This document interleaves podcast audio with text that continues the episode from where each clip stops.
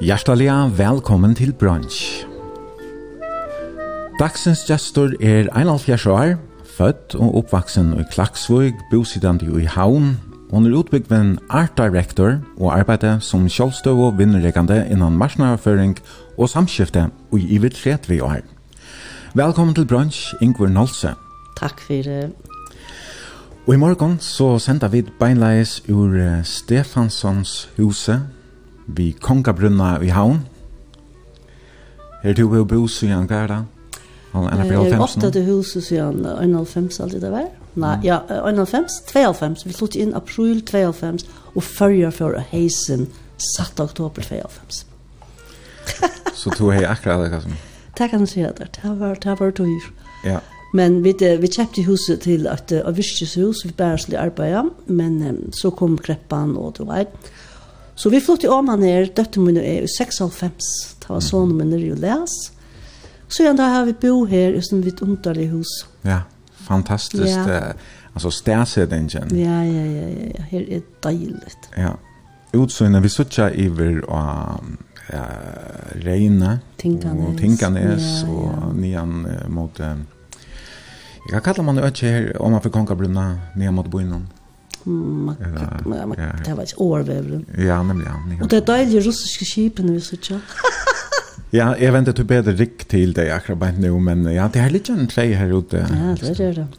Det kan si at positivt ting vi at vekker så vanlig alltid, når det vinter og regn og så, så hører man ikke når man alarmen. Så, Slett ikke. Ja, ja. Ikke når ikke når alarmen, det er snett nok, men det skjer ikke. Nei.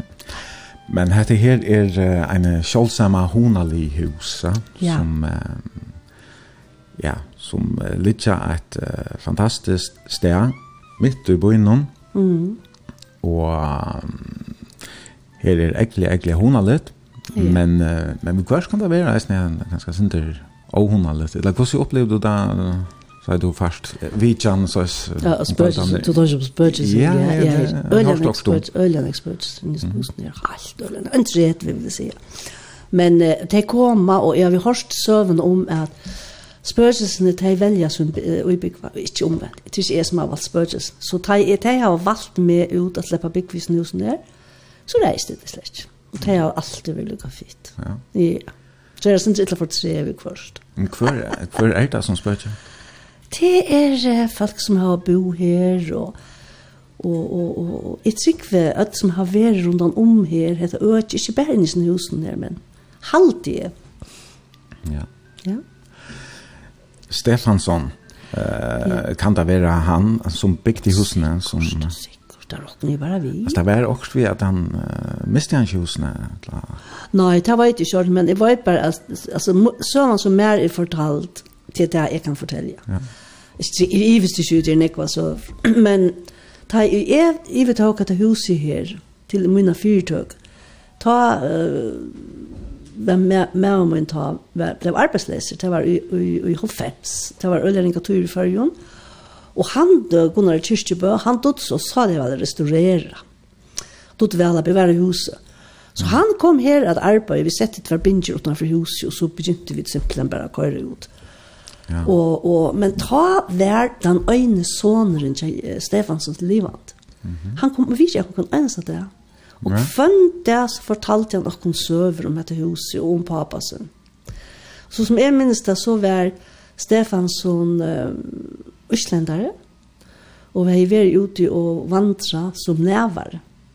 Mm -hmm. Nævare. Mm Så han, hvis du hikker en bitchesin her, så heter det ikke førske bitchesir. Det er uh, norrländske bitchesir. Mm. Det var en nærvare? Ja, en nævar, Det var en nævar som skulle vandre, eller en folk som skulle vandre i tjei år rundt i Europa.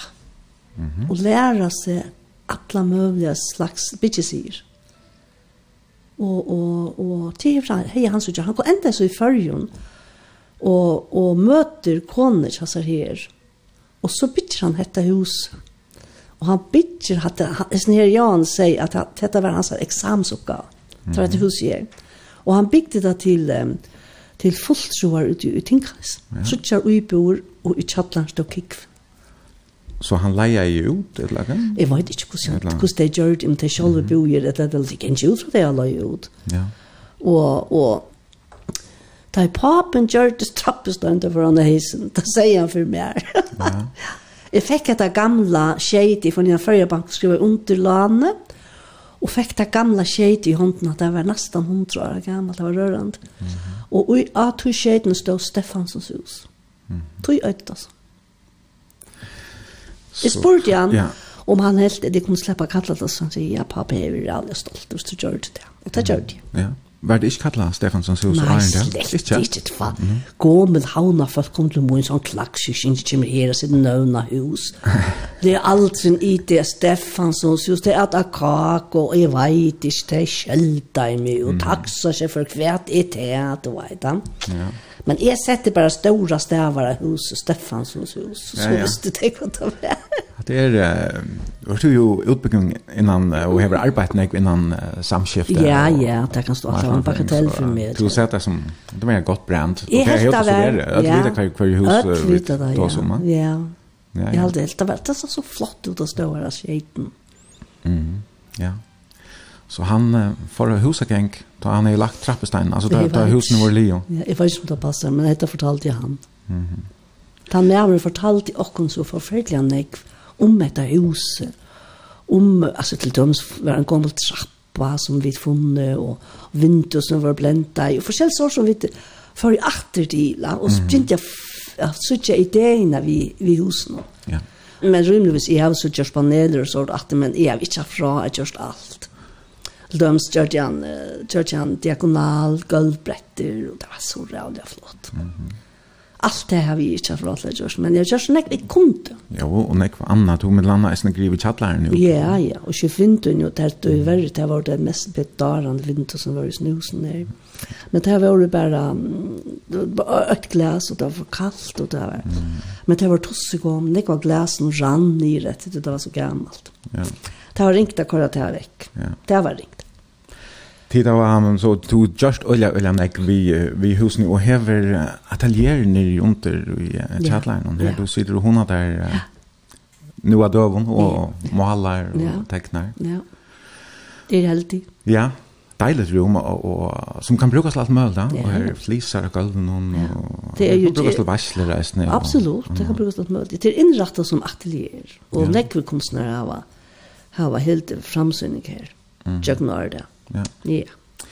Du bor alltså här och jag ser här nere i hatten eller är i hatt ja och så bor dottern Ja, hon är mamma för här samma tjejen. Ja, hon tar ut till huset nu och det bygger vi två om hatten och är bygger vi två om natten. Resten av munnen liv. Ja. Ja.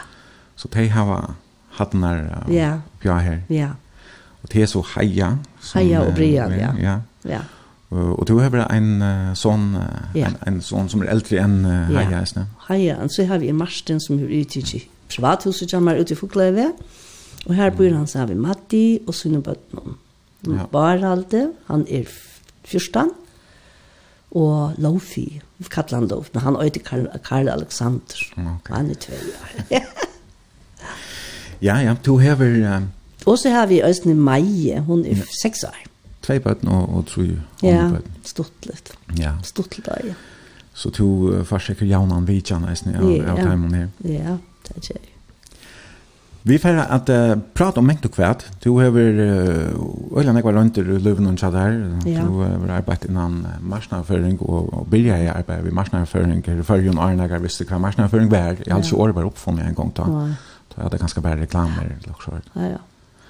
Det har vi prata om och nek anna avhåverst ja. som du finnes vi i Tjekken Løyve. Ja.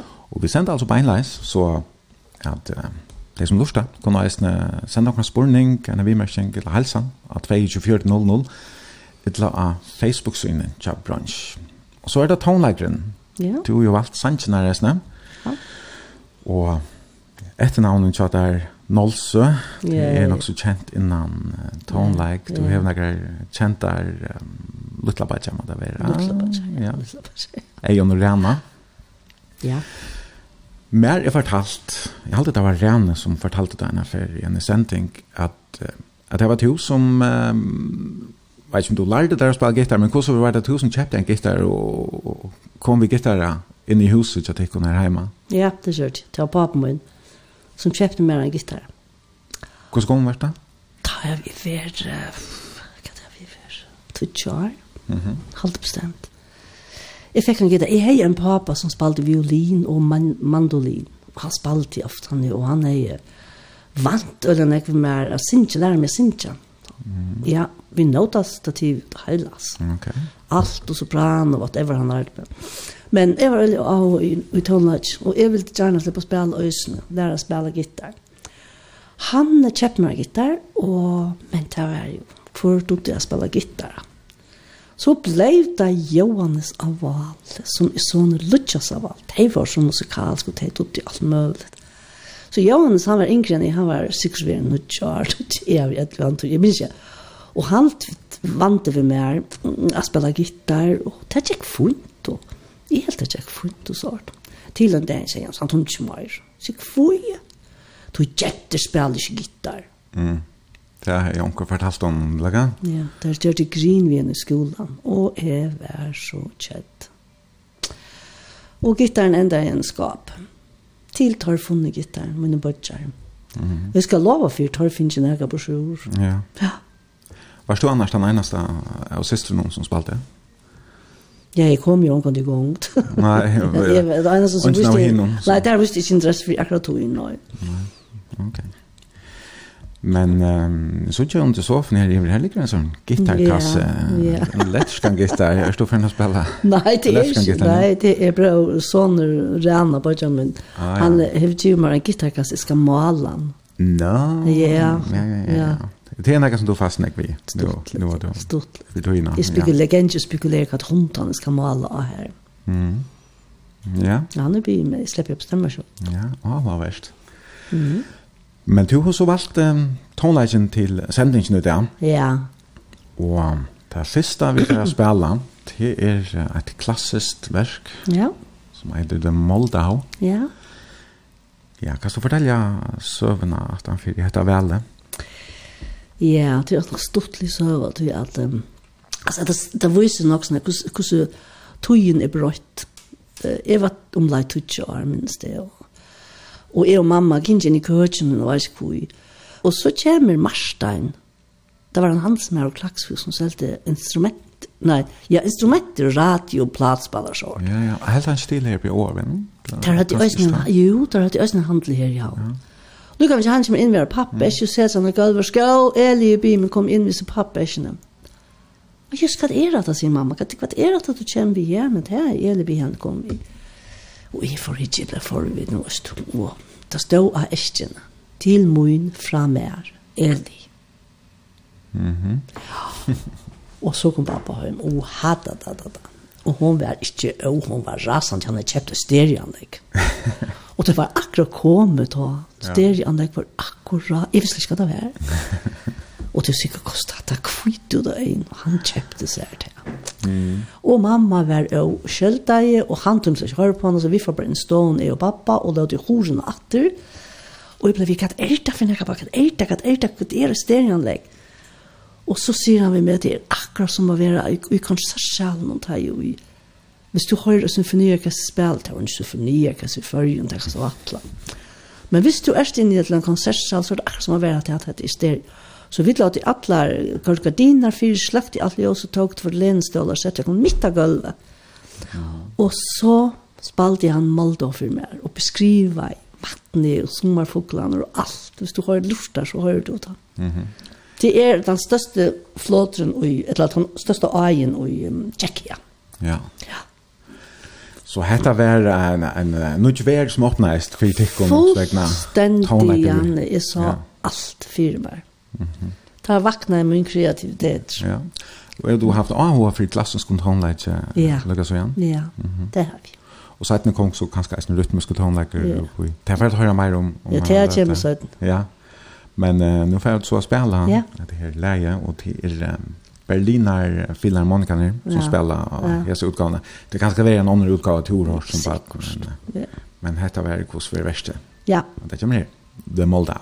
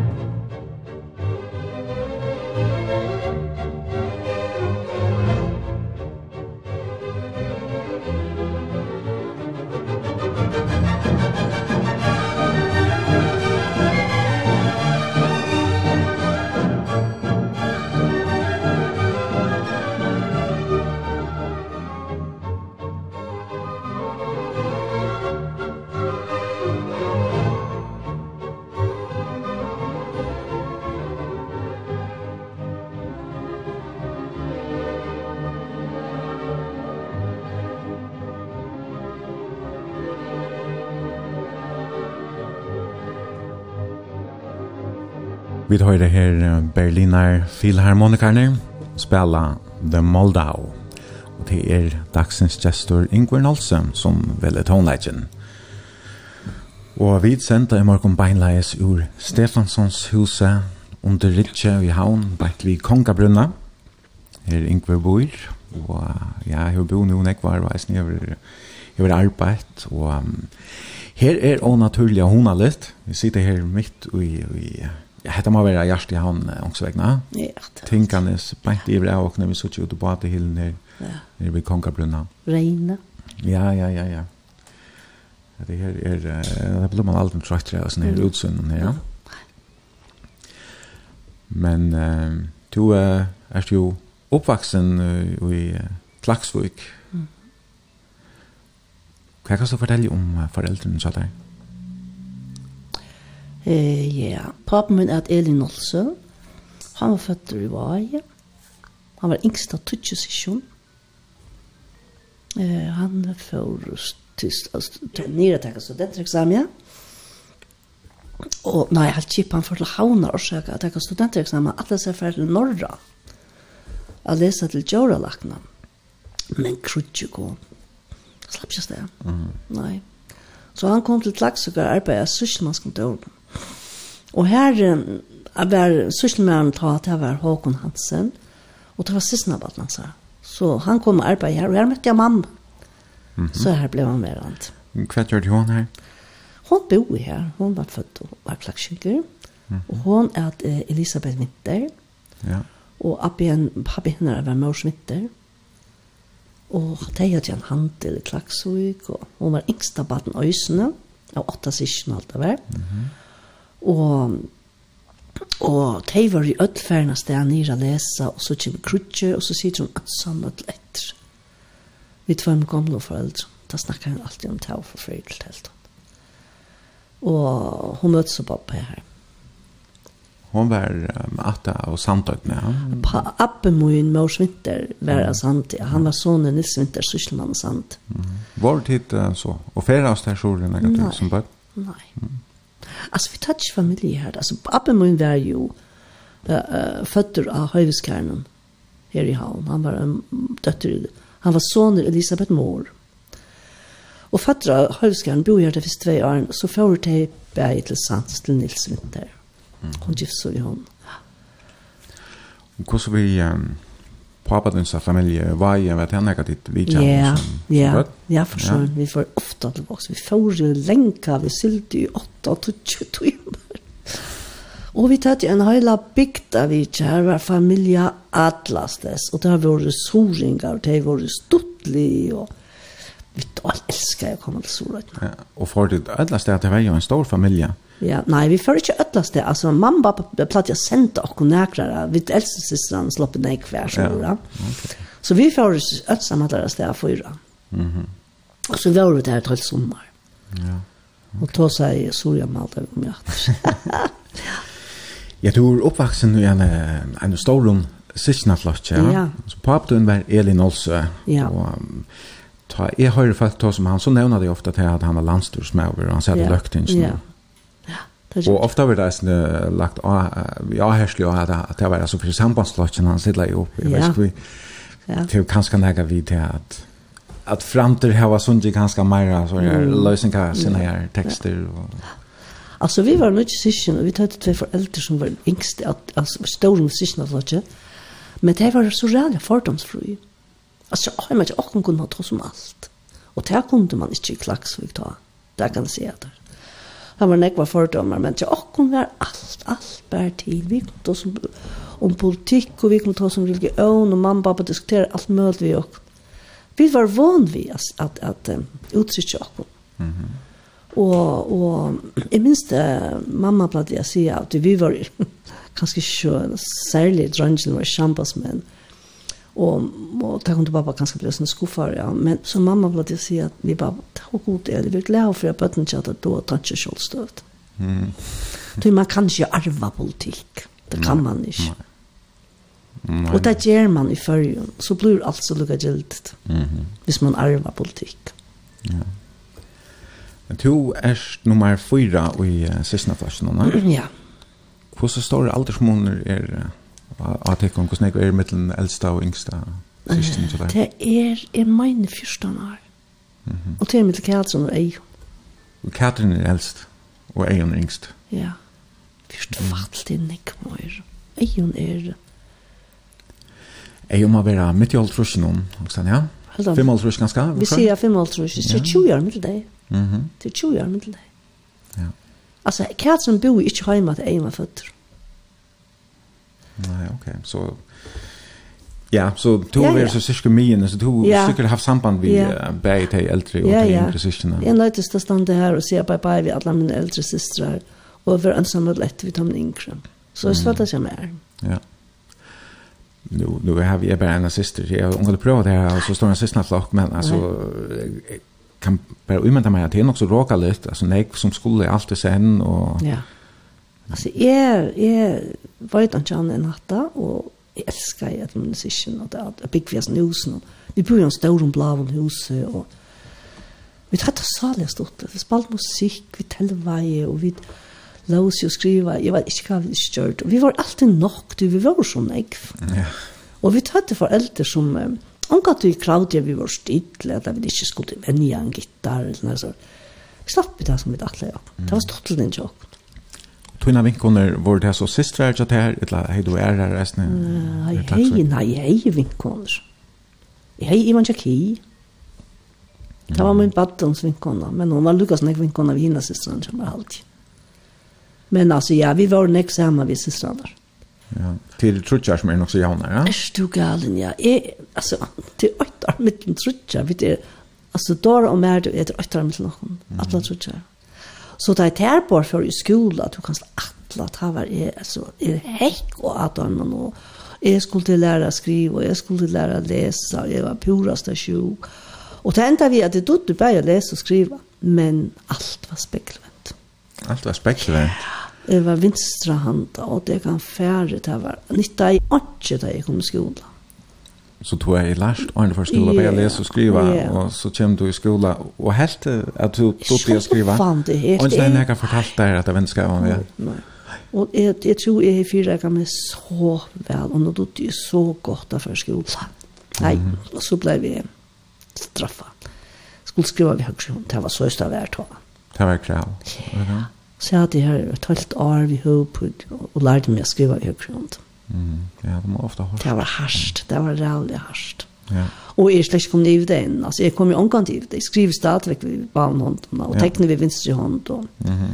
Jeg kan skrive en hel roman speklet. Ja, du visste meg det. Ja. Før at den hittest vidt han løte, ja. for jeg pratet syndrom, ja. planlegger sendingsene, og da tog det på pur, og då har en penn i hver hånd, og så skrev jeg navnet til meg. Ja. Vi ba en hånd og sen. Ja. Och det var det var helt otroligt löj. Jag såg att vi högre hon så satt ut som player och vi vänstra så men det alls bäckvänt. Och så skrev det samstundes. Vi bara hon hon ja. vi omgående sen när kan man just för. Men altså... Det må være et eller annet... ja, helt. Och forbindelse du har vi hjernen som andre ikke har Ja, så så där. Jeg spekulerer om typ också väl jag väl så Men Det ser ut så som jag hållte det där. Men men ja så det är väl det skulle ta var det otroligt intressant. Mm. Det kan ju öde högt på i det här att det hver vi skulle tekna en modell, som, hvis hun venter til venstre, så apapuren kommer venter hun alltid til høyre, ja. ja. Jeg, vent, jeg venter i øtlån som jeg tekna. Mm. Utan det at jeg... Og jeg vet ikke, jeg, jeg suttet det ikke. Nei. Suttet det ikke.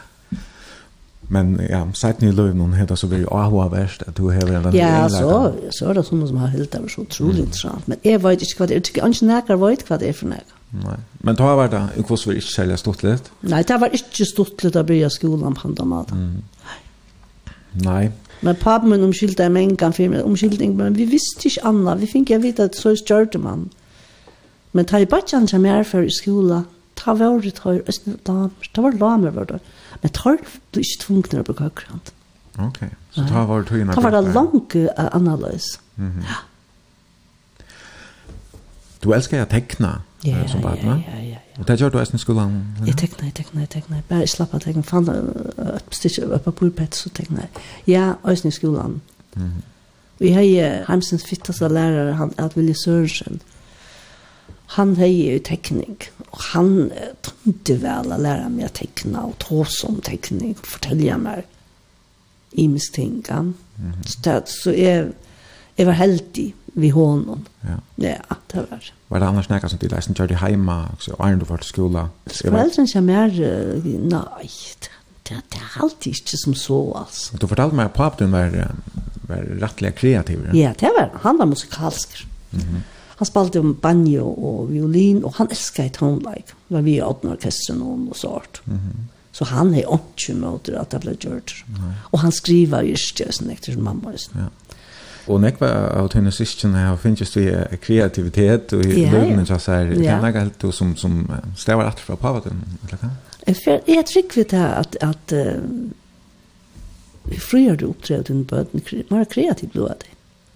Det tror vi. Hvis det har vært use, ja. Ja. Mm -hmm. Det men første mulighet er at huksa langere enn i, i, i, i, i, i, i, i, så oppstod kreativitet. Jeg vet ikke hvordan det oppstod fra fronten, så voldsomt som det gjør det. Det var virkelig voldsomt, det er endelig brast, altså, ja. for neve, ja. Nemlig.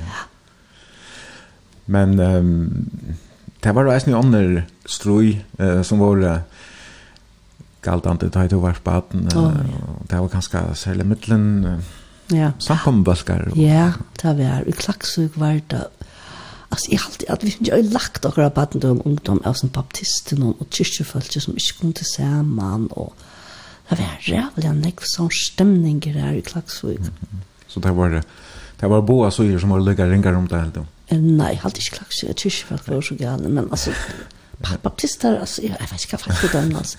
Nå må jeg passe på at vi får. Ja, mamma altså, etter hva man sier. För alle alla baptister. Nej, det måste det skära till det er det överhuvudligt så. Nei. Det er alt fullt Mm. Ja.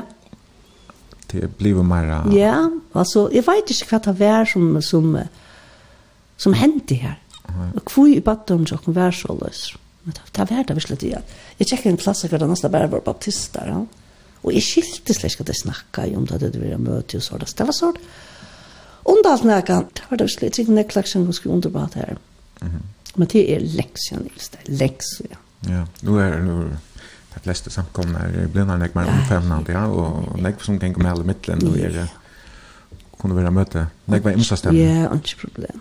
Att hit var nog snäpp böten fortalt om mig som som platt jag spelade ute ser man annars alltså som vi vet någon ja. Ja vi var nek där han holdt i arbetet och så spalt i fjørene, och vi tatt enda en plan Mhm. hver vi spalte fotboll och längdboll och kvar vi gjorde. Det var rævligast å lakka paradis. Vi var ute i sommerkvall lengt til 11-12 om natten av minnes det. Mm -hmm. ja. Hver ut laksvik er det laksen opp? Altså, vi tror voksen opp i viken om. Jeg vet ikke hvordan jeg skal si det. Det er um, midt i bygdene. Ok. Mm, hva er det her? Så det kom til... Å ja, hva skal det er her? Førjabjør. Å ja. Ja, ja. Sinde langt ut etter mot kajen. Her mm. vokser jeg opp. Altså, på appen min har jeg en handel som er et kvitus. Og at han fyrir kvitus var så at, at, at petja gjør, og det finner man pappa sikkert, at, at bytja husa. Mm. Så det bygde så til hus her. Onkel har jo fortalt at, at det var nok så strengt uh, i skolan ta i togene her yeah. i Klaksvig. Jeg var som en tamp som hekk i en yeah. korsrum med landa og, og yeah. Yes, och så var var alt öle oppdelt eisen i grannalö här. Du skulle helst halta det till här som to boe och har det hemma. Ja. Till här vinner. Ja jeg trivdes ikke klassisk skole. Det gjør det ikke. Han var strenger, veldig strengt, og, og og sånn miljø, jeg vet ikke hva jeg skal si om det. Mm. Nei, jeg trivdes ikke heller vel her, og det var noe som kom, altså kom for sånt, så, så skulle du si det etter, jeg når stod vi og skrive hundra fer, uh, sangkikk for skit i græs. Og det var øyla militært, mm. som jeg minnes da. Mm. Så du har ikke sånn god minne fra badnaskolen. Nei. Og du vil ikke gynnt så nek i skolen, du vil med landet ikke teach student som sånn, jeg var under to, to ferdig direkte i, i lærere og så ferdig. Ja, jeg tok tusen klasse, og så for jeg, nei, tok tusen klasse i Klagsvika. Ja, altså, men fikk du en lærer som anstikte mot skolegongt? Nei, altså, det var, altså, andre studenter skulle være Klagsvika, det var en i havn, og havn var lengt vekk. Så man tar seg ikke nekk om teater. Ja. Først student. Men, men jeg fikk til bøyen hjemme for jeg skulle ha en utbygging.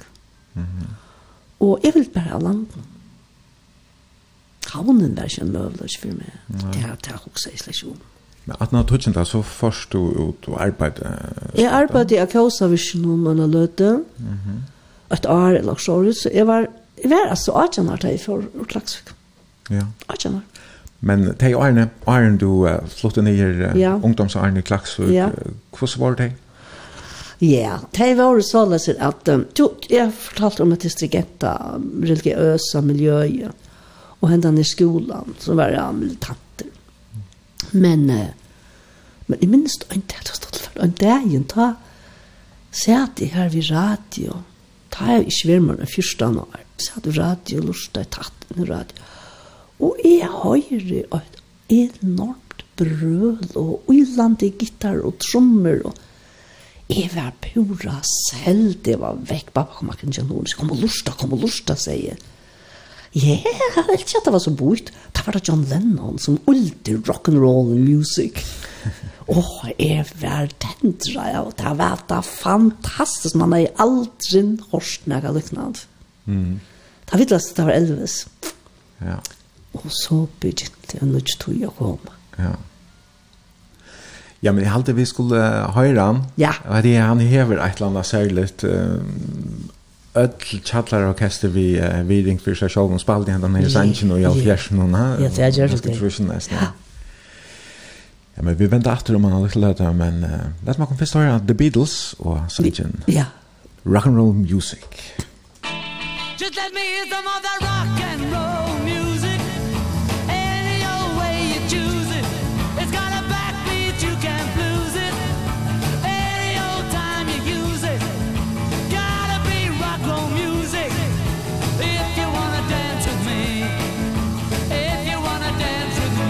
got no kick against modern jazz. Unless it's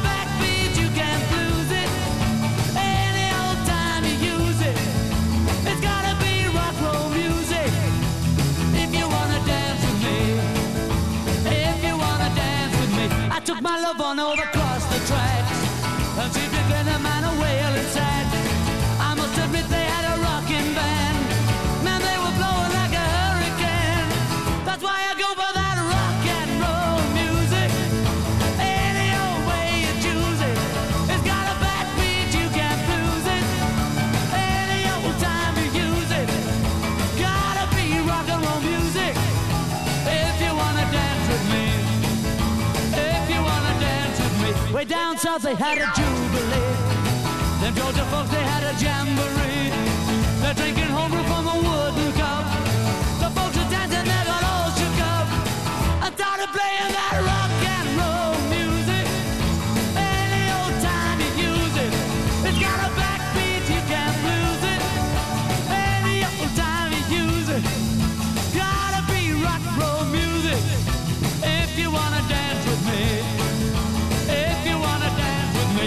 get to hear them play a tango? And in the mood they take a mambo It's way too early for me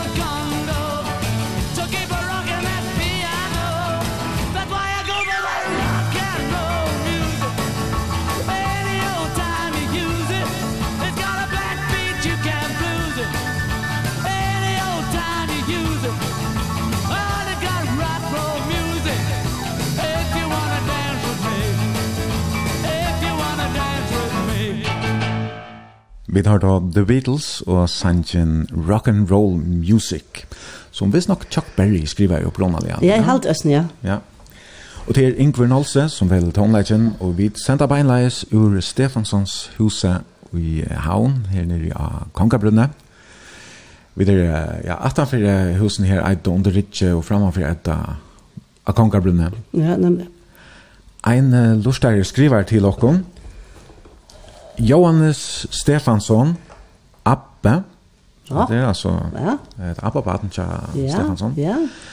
Han bygde seg nødt hus ut i Boanese, bant sånne for Tyrlepadlen, og familien flytte ut her under krynon. Ja. Han miste ikke husene, men selgte dem. Oh. Öll bøttene til honom er født her. Ja. Han kom i Russland, men var av føreskariat. Papen var i Russland, og mamman er havn. Ja, du varst du kvært, jeg stort litt ved Stefansson, det var at um, eh, først år av Olasøk, og en tro i fyra, kanskje fem år, så kom et trutjar døter til Johannes, nei, til Stefansson, til så være eh, om Abbasestrand, altså mannen som skriver. Da kom jeg vidt, men. Ja. Og jeg rekte det, så hadde jeg alltid kartong til sigaretten, og så skulle jeg inn i ødel rummene, og i ødel husen, og Og det var trutjar, og det var gamla, og det var så fittar. Og jeg lovet dem bare inn. Men nu er det nekk år siden det har vært her. Ja. Det har stått til hvert. Ja. Ein annan lustare skriver, «Å, hva versta lusta, mamma min som var født i 1916, kallar jeg Stefansens hus for skyskrabaren. Åh, oh, jeg er sjølvand. At du er, at du er høgt hus, da. Oha, ja, skyskrabaren ja, men du hugsa om husen ja. som stannar åttan för någon om här, det är ju picka lite. Ja, ja. Det sägs ju man torn här och sånt. Ja, nej, ja. Ja, ja, men um, det är äntligen att uh, senda okon hälsan här vid märkningar till spårningar att 2400 till Facebook-synet till brunch. Ja. Ingvar som du fortalte så upplevde du uh, batten som, som också uppdelade han med mm. uh, baptister og kyrkjefolk i, i Klaksvig, og Du du heldur ikke at det er leia sin til fyrir badendoms, barndoms til her ungdomslivet? Ikke alltid, ja. Ikke alltid ikke vaksen folk kunne tillate seg oppføre seg. Nei. Var det en årsøk til at, at du valgte å fære til Danmark så langt som 18 år gammel? Det tror vi ikke var ganske så galt. Det tror vi men altså, det som er vi og kom før, vi bygger en radio av et land, og en isolerende land, det vet vi. Og jeg vet ikke åkken å sitte åkken som morgen bare hette. Ikke løy. Nei. Det er lukka som, altså, jeg vil til gjerne sitte mer av verden, alltid vil forviden, gjerne vita hva er, hva det anna er enn bare hette. Tror jeg for det. Mm -hmm. Var det for å få en av så utbyggving? Ja, det var også når jeg får en utbyggving. Jeg ville slippe av kunstakademiet, at, at, at lære meg list, arbeid som listafolk, Og, og det kunne ikke bli før, jeg har så spørst med fire ikke, halvt bare Jakobsen er pappa spørst og så. Hva er det at her, og har hun for å tekna? Ja, ja, ja, jeg, jeg, jeg interesserer meg ikke for noe mer. Mm. Så du tekna en ekva? Ja, jeg som baden alt, alt, alt, alt, tekna alt, alt. Er du framsynning en ekva? Omgang til utfattla, nei, nei, nei. Jeg satt bare tekna til læreren slå meg vid linealen, så jeg nå lort han jo ikke til å tekna så ut. Så sørst jeg en lærer som er godt, du sitter og tekna, bare du lort ja.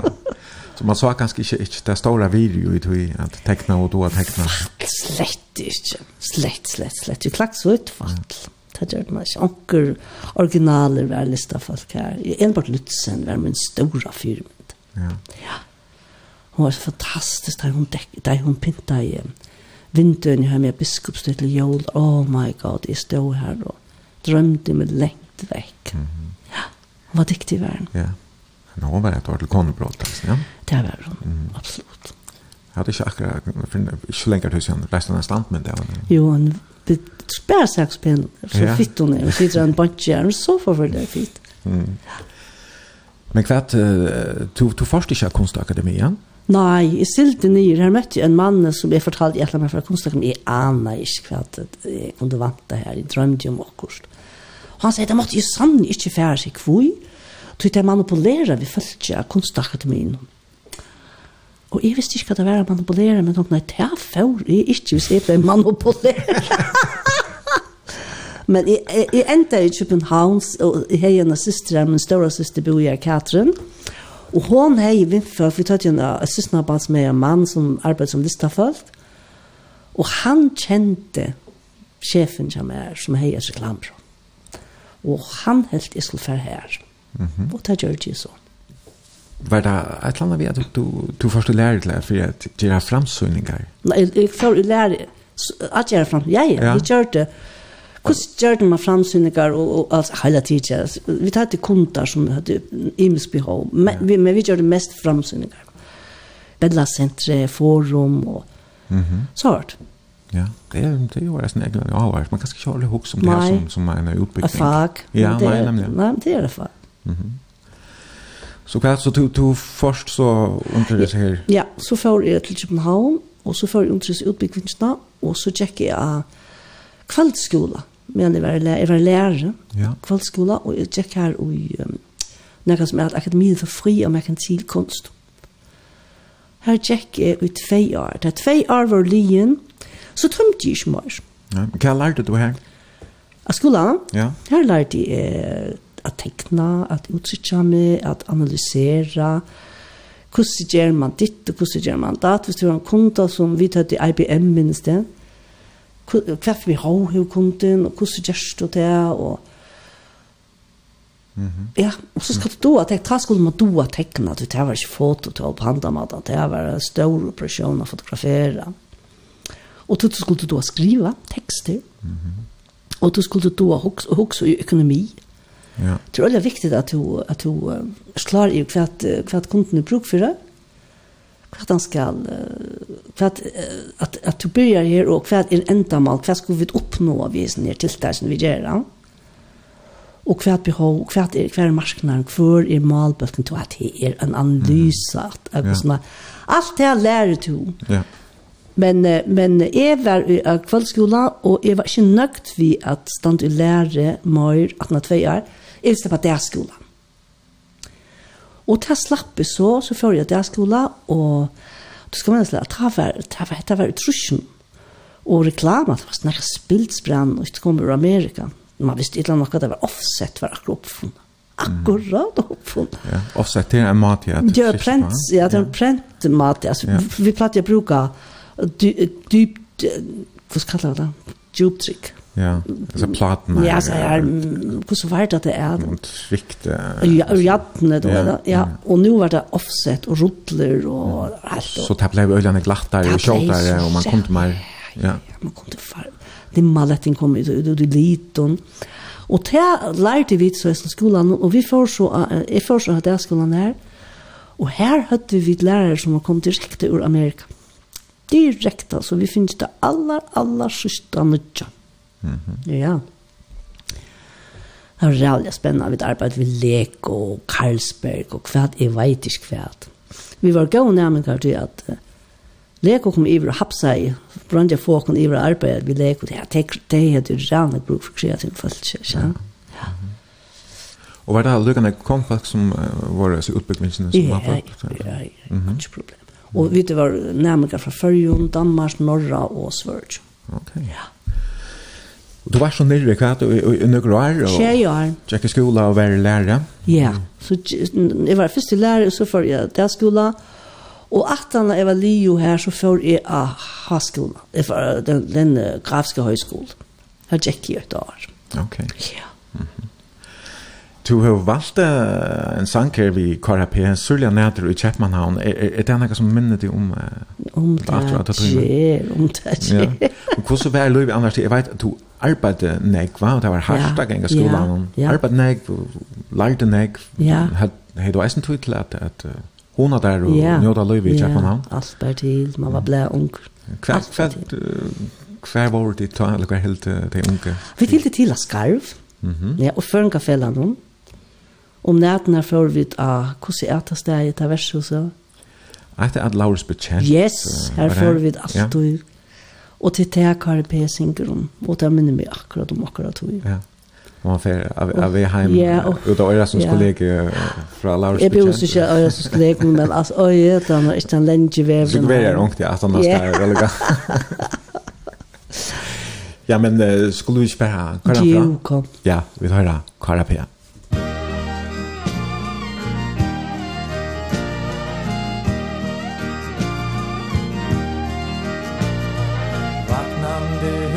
fasader Nu natten er deg. Speja kvann annan kvär på vid nu morgon brei Morgonen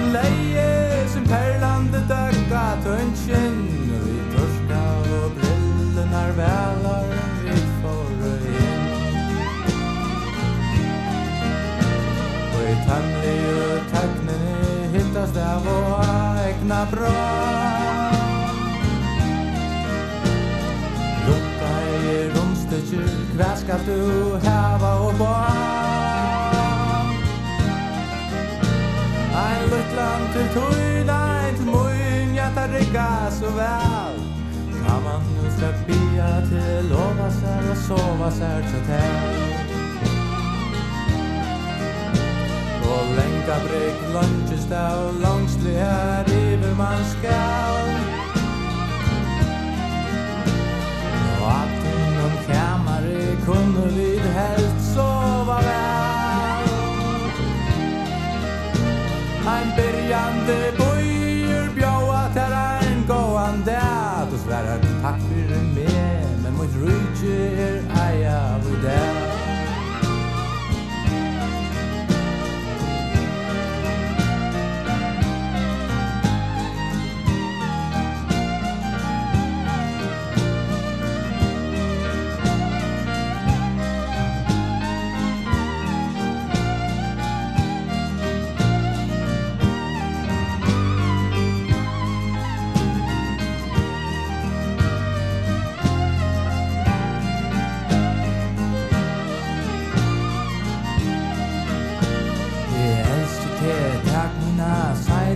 rester du faun Så gleima vi sörlig är nätter i Käppmanna havn Og medan du älskar mig Homie dalar fjöll Homie engande bøl, Ljuga satir spärande bøl Ja medan du älskar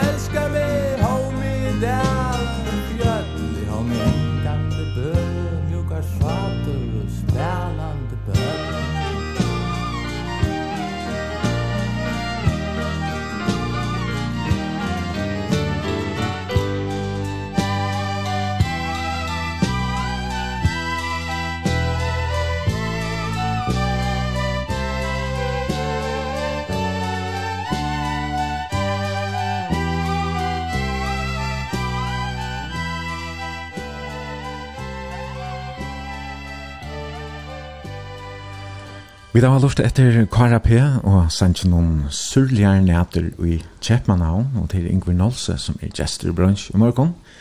Og til å bo nirre, ja, til å være omtatt måned ganske da henne her uh, platan kom ut da. Uh, nei, jeg halte nei, jeg halte sagt hun kom Hun kom som sagt? Ja, jeg halte Så Kari kanskje, han er er det Jankom eller hva sier? Kari er for Nye Samson, så vi stilte i Kramsund, det minst det så vel. Ja? Ja. Og ta ut tar akkurat gjør sangen Blåa hus. Ah, ja, ja. Det Debes så Petersen. Debes og Petersen, ja. Ja, ja, ja. Så det ble ganske sunt å trelle ombord av, av, av kjeltene. Ja, ja, ja, ja. Vi pratet hva senter om, om tog tøyen i Danmark. Du uh, har gode dager her, ja? Ja, jeg har gått i Danmark. Vi bor jo i en av uibo ved Sjekkvanner, Karl og en. og her finner vi Marsten, Søndertjammer. Ja. Karl Simonsen. Karl Simonsen er papi Martin, og han læs til arkitekt. Ja, hvordan møttes dit? Vi møttes i København, det første miljøen. Og skarvet, eller sånn her. Ja, det gjør vi. Så tid ble gå og ja. var uh, helt sammen i noen år, og egentlig lås i heimen? Nei, var. Vi var sammen i 15 år. Ja. Ja. Og, og hvordan er det at heimen var i Danmark da? Uh, tjej. Seks, seks tjej i Danmark, og resten i Følgen. Okej. Okay. Du, ja, du valgte jo å flytte etter, ja. langt som 25 år ganger. Ja, ja. Det langt og langt, men ja. ta, ta, ta varst du så akkurat bli mamma, jeg vet ikke om det er henne kan ta. Ja, øyne jeg kvitt høyder, jeg jeg fikk Marsten, og jeg vet ikke, da jeg sa til henne i ørnen, nei, jeg tenkte han skal ikke vekse opp i Danmark. Jeg var stressant, jeg sa mamma i bussen, og nei, jeg vil ha han hjem. Så vi får jeg sted, brådene til førjer, Albert Isfeldt akkurat gav viner og Katrin, og de hadde en løylighet til dere, så vi slapp jeg bygge oss det, at det var det viktigste å ta. Mm -hmm.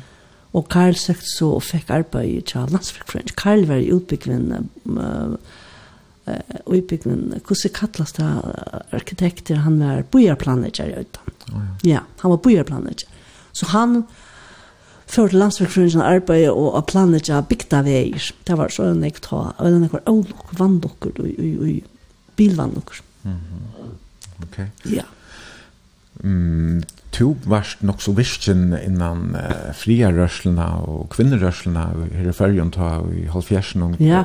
Vet han her som oppstod i Danmark? Altså, Nei, kvinnerørslene oppstod i Danmark. Da, da blir vi bøkene til Henny Andersen. Hun skriver i Førske Jenter i København. Vi møttes til Førske Hølen at, at, at, at, at, at, at, at, at, lagnene til først kvinnerne i København, for hvordan vi var, hvordan livet var her. Og ta blir jeg vite at det er små bølger alltid er, og i kvinnehusen, nei, i førjehusen. Sættene, så kom jeg til førjer, jeg minns jeg kom i februar, 76, og det var skåtar, det var 19. februar, og 8. mars gjør vi langt kvinnefellskinsla. Mm -hmm. Vi møttes nekra koner oppe i Fakreloi. Nok snakk var over vidt. Mm Var det att hon skulle ta vitt där hem till förra eller eller var det ju? Nej, det var inte jag som kom. Nej, jag kom inte ihåg. Jag sa på analysing i avisen.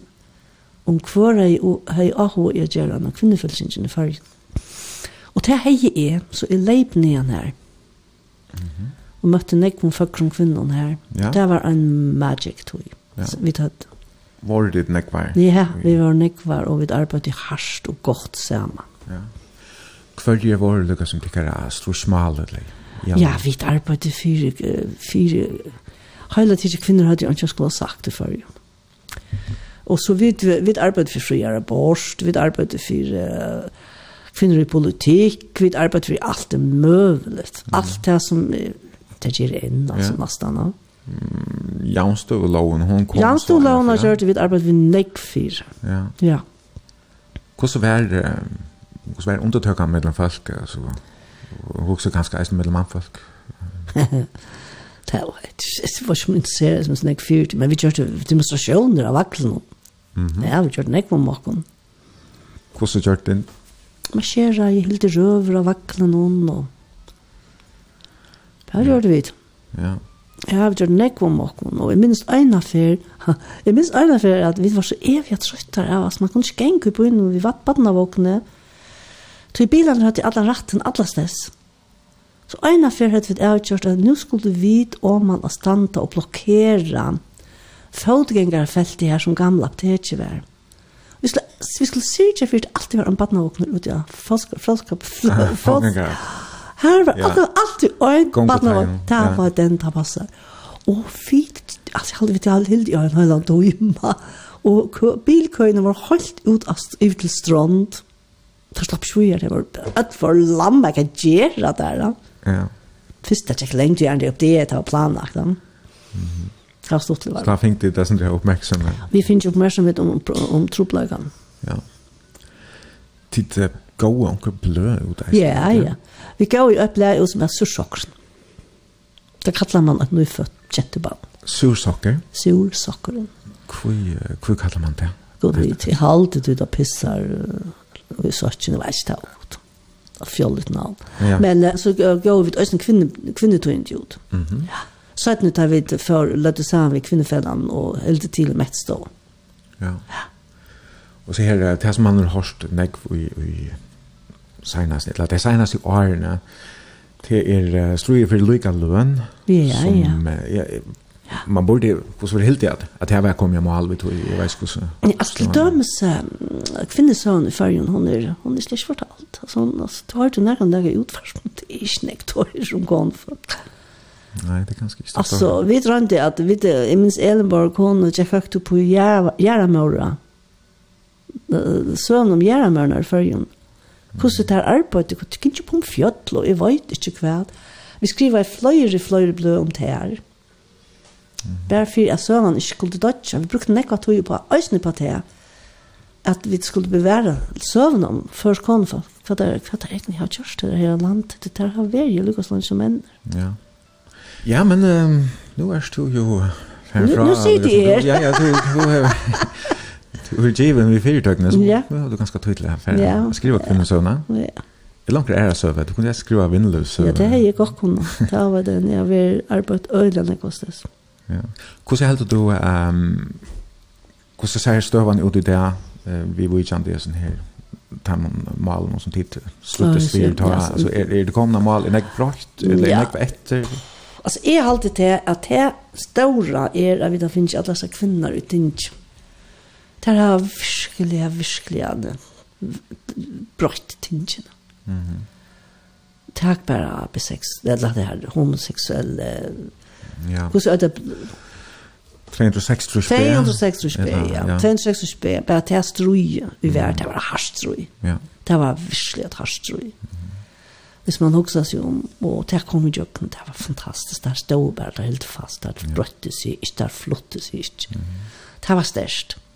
Og det var just nek som jeg har, som jeg vet at mennene er aldren, aldren, aldren hadde gjørst. Ja. Men um, her er så andre kvinner landstørende. Nei, det er det. Skammen er tarra to. Ja. Løkningen er nækrar og til så kanskje selja. Nækrar av oss i flokkar. Ja, ja. Det er sier så nek om, om, om støvna. Så her er det... Her er det... Her lenge vever enn, ja, ja, ja. Altså, vi hadde haft godt haft en, en kvinnelig fiskeriminister, kan skjutja det. Skott er jo Jo, hvor ikke? Jeg ikke. Det har det i Norra. Ja. Ja, men du kjøler så ikke noen årsøk til hvor ikke kvinner ikke skulle kunne gjøre akkurat det samme som Takk om det var godt. Du varst eisne virkelig innan friarørselen, ja? Ja, altså kvinnerørsen i arbeid i nekv nekv herrens år, og kvinnefylkingen i arbeid var i alle Atlatøyna, og jeg var av kvinnerørsten i Nairobi, Mm -hmm. Alt jo kvinnerastene som FN står for det, og jeg var i uh, Norra, Oslo. Ja. Yeah. Så det var omedelig opplysende og spennende å møte alle de folken och til alle frilösande. Så jeg lär er av var i fria og vi vid fåre Jag vet inte hur vi får ur färgen, vi har nok sånn jeg från fåre. Vi får en vandretur i Amerika. Vi var først skandinavar som får en friare fra New York City til Washington DC. 15 stater i Dynkevitt i kjøkkenen. Mm -hmm. Og lurte jeg etter røven fra Corette King, tant august. Enten var det satt, eller var det 3 august, ta hver, ble det til kjørst første, første fyr til alt kjøa Martin Luther King der. Og ta var vi der, av Capitol Hill, 500 000 mennesker. Ja. Ja. Det var ikke år. Nei. Hvordan er det du var i Færøen? Ja, jeg vet ikke hvordan jeg var. Man vet man tog ikke folk, ganske. Ja. ja. Hva er helt det føringer annars om det her tid at vi er her i USA, det til fria gong og 15 stater? Jeg halte at... Hette var jo om du kallte krøyne? Ja, ja. Jeg halte at det var ok. Alt, jeg halte folk hilde det var godt. Mm. Det blir ikke um, som kommunister? Og... Nei, William Heinsen var en med som var vi. Mm -hmm. og, og prestar og alt mulig, alt mulig for vi og. Mm.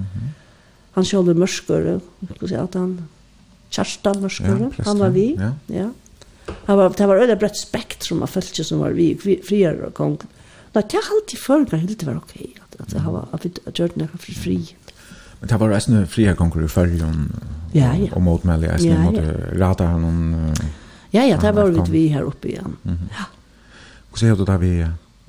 Du kommande radaren? Ja, altså, man spyr seg selv. Altså, jeg vet ikke, altså. Vi kunne ikke melde henne ut ur hemsatt vill han. Nej. Vi kunne ikke ha et hål i piver och som ikke däcka. Nej.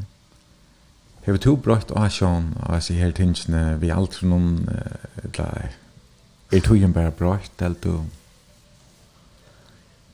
Jeg har alltid inte brøtt, så det är en annan mening. Alltid ikke. Nei? Nej. Alltså utgiver att Russland skulle för att göra det som det har gjort till då. Man är ju årfyrt. Man är ju bara årfyrt. Du följer en väl vi i samfällighetsvis. Ja, det ja, jag läser minst fyra timmar om dagen. Jag visar och lust etter radio og alt med alt. Det er jo gode tog, så det er brukt jeg nekva tog på. Helt det flere blå, eller hva? Eller annet noen. Ja? Ja.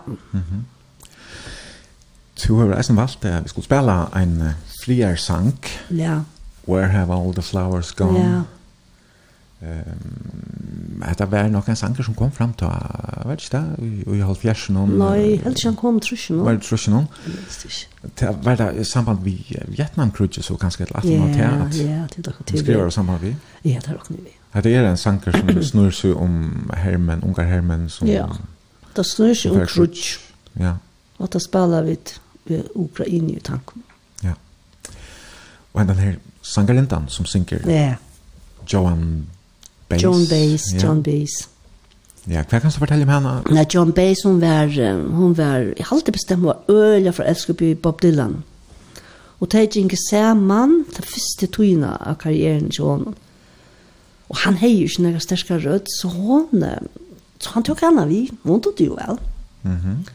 Men så ble det livet med det hon er unik på lustet stemt, hon er helt utrolig. Ja. Vi tar det her, Joan Baez yeah. og Sanchez. Where have all the flowers gone? Ja. Yeah.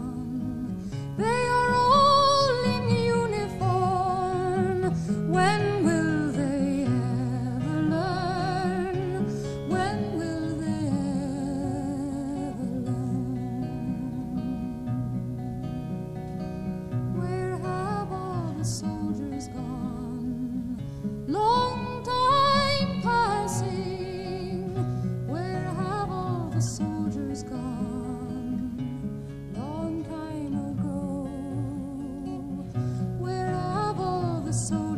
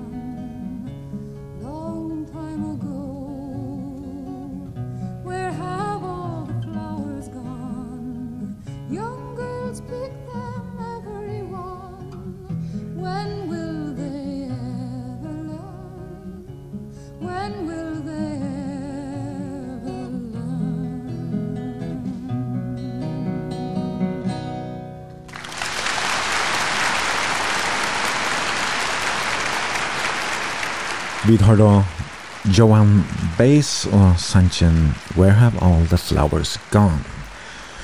Og det er Ingvar Nalse som er gestor i bransj i morgen, og det er Ingvar som vel tonleggen, og vi sender på en leis her ur Stefansons huset og i havn, og av 24.00 her er det flere som har skriva no. imens til okkon En skriver her, Stottelda Lorstetikon, jeg minnes ikke at kyrkjefeltene var nega friere enn hine. Gærene var så høyere mellom kyrkjene og brøverne, så steinbøyt. Og i det yeah. er gærene tekner nye, det er deilig. Det er godt. Minnes eit særlig vel, at Ingvar, som var så seraflitt, kom i skola og hei henne enska gento vi. Ja, Margaret. Det han spalte ikke vel av. Nå? No. Jeg vet ikke. Jag det inte läraren. Nej, jag vet inte. Hon vi kommer hon hon så bara en sån uh, flänne smiley och så så jag vet inte om uh, läraren inte helt att det var så eller gott eller kan. Det var mest det minns jag inte till. Nej, det var det spalta väl ja. Vad säger? Hon var dotter till uh, vänjaren som vi det finns till Hotnarkest, klass Hotnarkest, som hade Margaret. Mhm. Mm Skottland helt det var Aberdeen, vi ska. Okej. Okay. Ja. Ja, men vi kommer inte kan skrive inn. og- Ja, det er jo stått til Horst, hva det var som jag gällde. Ja. Jeg vet ikke. Spalte to, eisen i hotten, eller? Ja, Ja. Jeg spalte alt hod. Mhm. Mhm. Mm Hvor så langt kjørte du til? Åtte år, så flyttet jeg for Urklagsvig. Ja. Ja, ja. Ein annan lustar skriver, ser avvärst att höra om tatuina att man inte måste vara lamer om ja. klaksvig og anna. Jeg har en ommebøtt som er lam, ja. helsan og Jack, skriver en lustar. Ja. Ja, det var det man man helt att man kom till att att ja, det var bäst en fejle man kom att skriva vinst så det man man bättre om att alltså. Alltså lam är skolt i bibeln är det är det gal är väl lam. Vi Jesus kallar lampen till sin och stilla det vid sin högre liv, inte vid sin vänstra liv. Allt vi lam är tjekna alla människor som är är är är förkärst. Mhm. Och man men man må inte tvinga bort skal gjøre dem fri, til det venter ofta selv vi.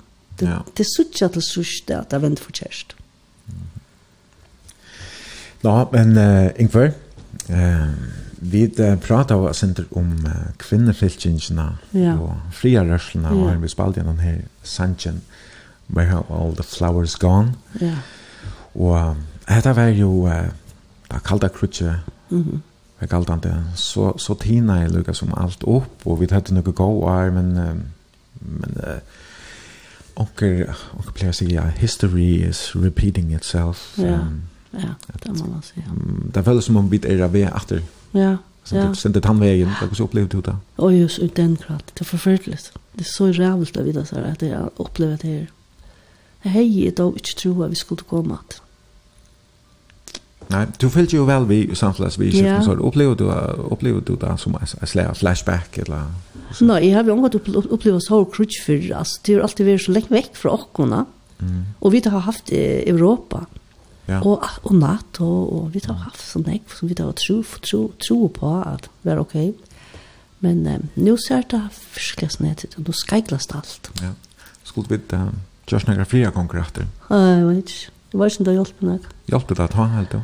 Jeg vet ikke så litt, altså, fyrt kommer med, jeg har sånn mistanke om at det krutje handler om penger.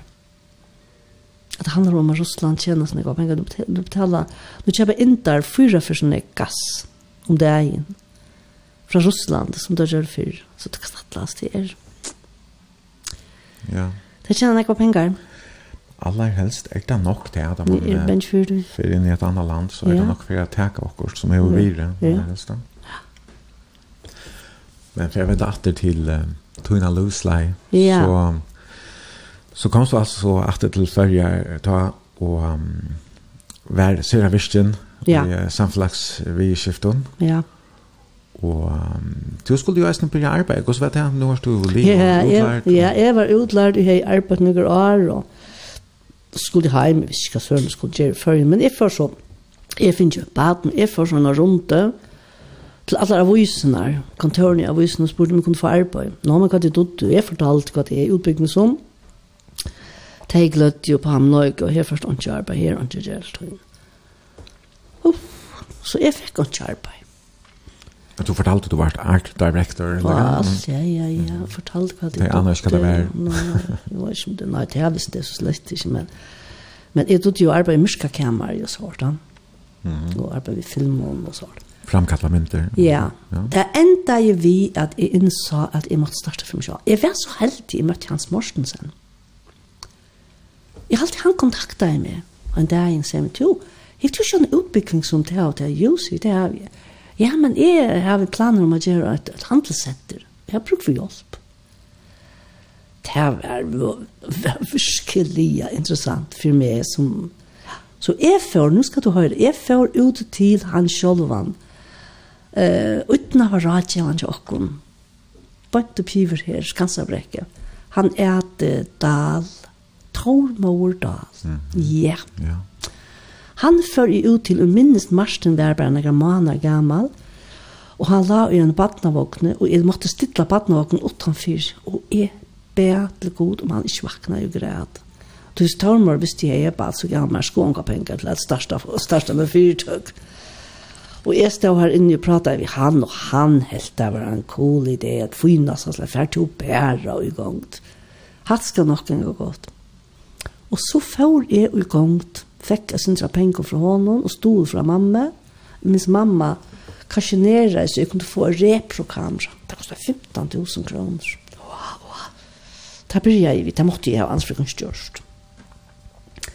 Og Martin takte alla tøyene mine var inne ikke, uten av rådgjøven. Mm -hmm. Så heim tross glede var jeg. Vi pengon og kunde byrja mina fyrtøk og løya jeg Løya i hadde en lytla reia huset, han er Torsheim, hos er han fornavn, han mevren. En lytla reia huset som i det er, er, fris, er, frisør og fotopleia, og nyast er sånne, sånne det er bare sånn av, bare iver av Jackson på nesten vi her. Dr. Jakobsen sköt. Ja, det ligger her til, till att sälja hus meklara fyrtøk og nyast. Mm -hmm. Ja, lykka mitt, bare ikke var syklehandelen som det ligger her. Hinne med veien. Her har jeg teknisk stå i nekk, nekk, nekk, herrans år. Alltså var det Tormor var han så Han var utan rådgiv vet han. Ja, men sette han pengar i fälla. Ja, ja, jeg fikk slapp av lana penger fra, fra uten grunden. Mm. Och SMS var ganska tunn första konto eller kan? Det rockne vi. Minst ikke. Nei, det var han inte nämligen. Så da jeg åpnet her, så kom Førja Bjør. Ja, og Førja Bjør kom på besøk, og så hadde jeg vel til henne maltøl etikett. Ja. Og så tekna jeg henne maltøl etikett til deg, jeg halte hun er der enn. Altså den her bruna ja. maltøl? Ja, det er da første ja. i Georgie Førja. Mm -hmm. Ja, hun er her enn. Hun tekna vi hånd? Ja. Mm -hmm. Ja, ja. Stort litt. Ja. Men så kom SMS, og det ble en øyelig oppgave.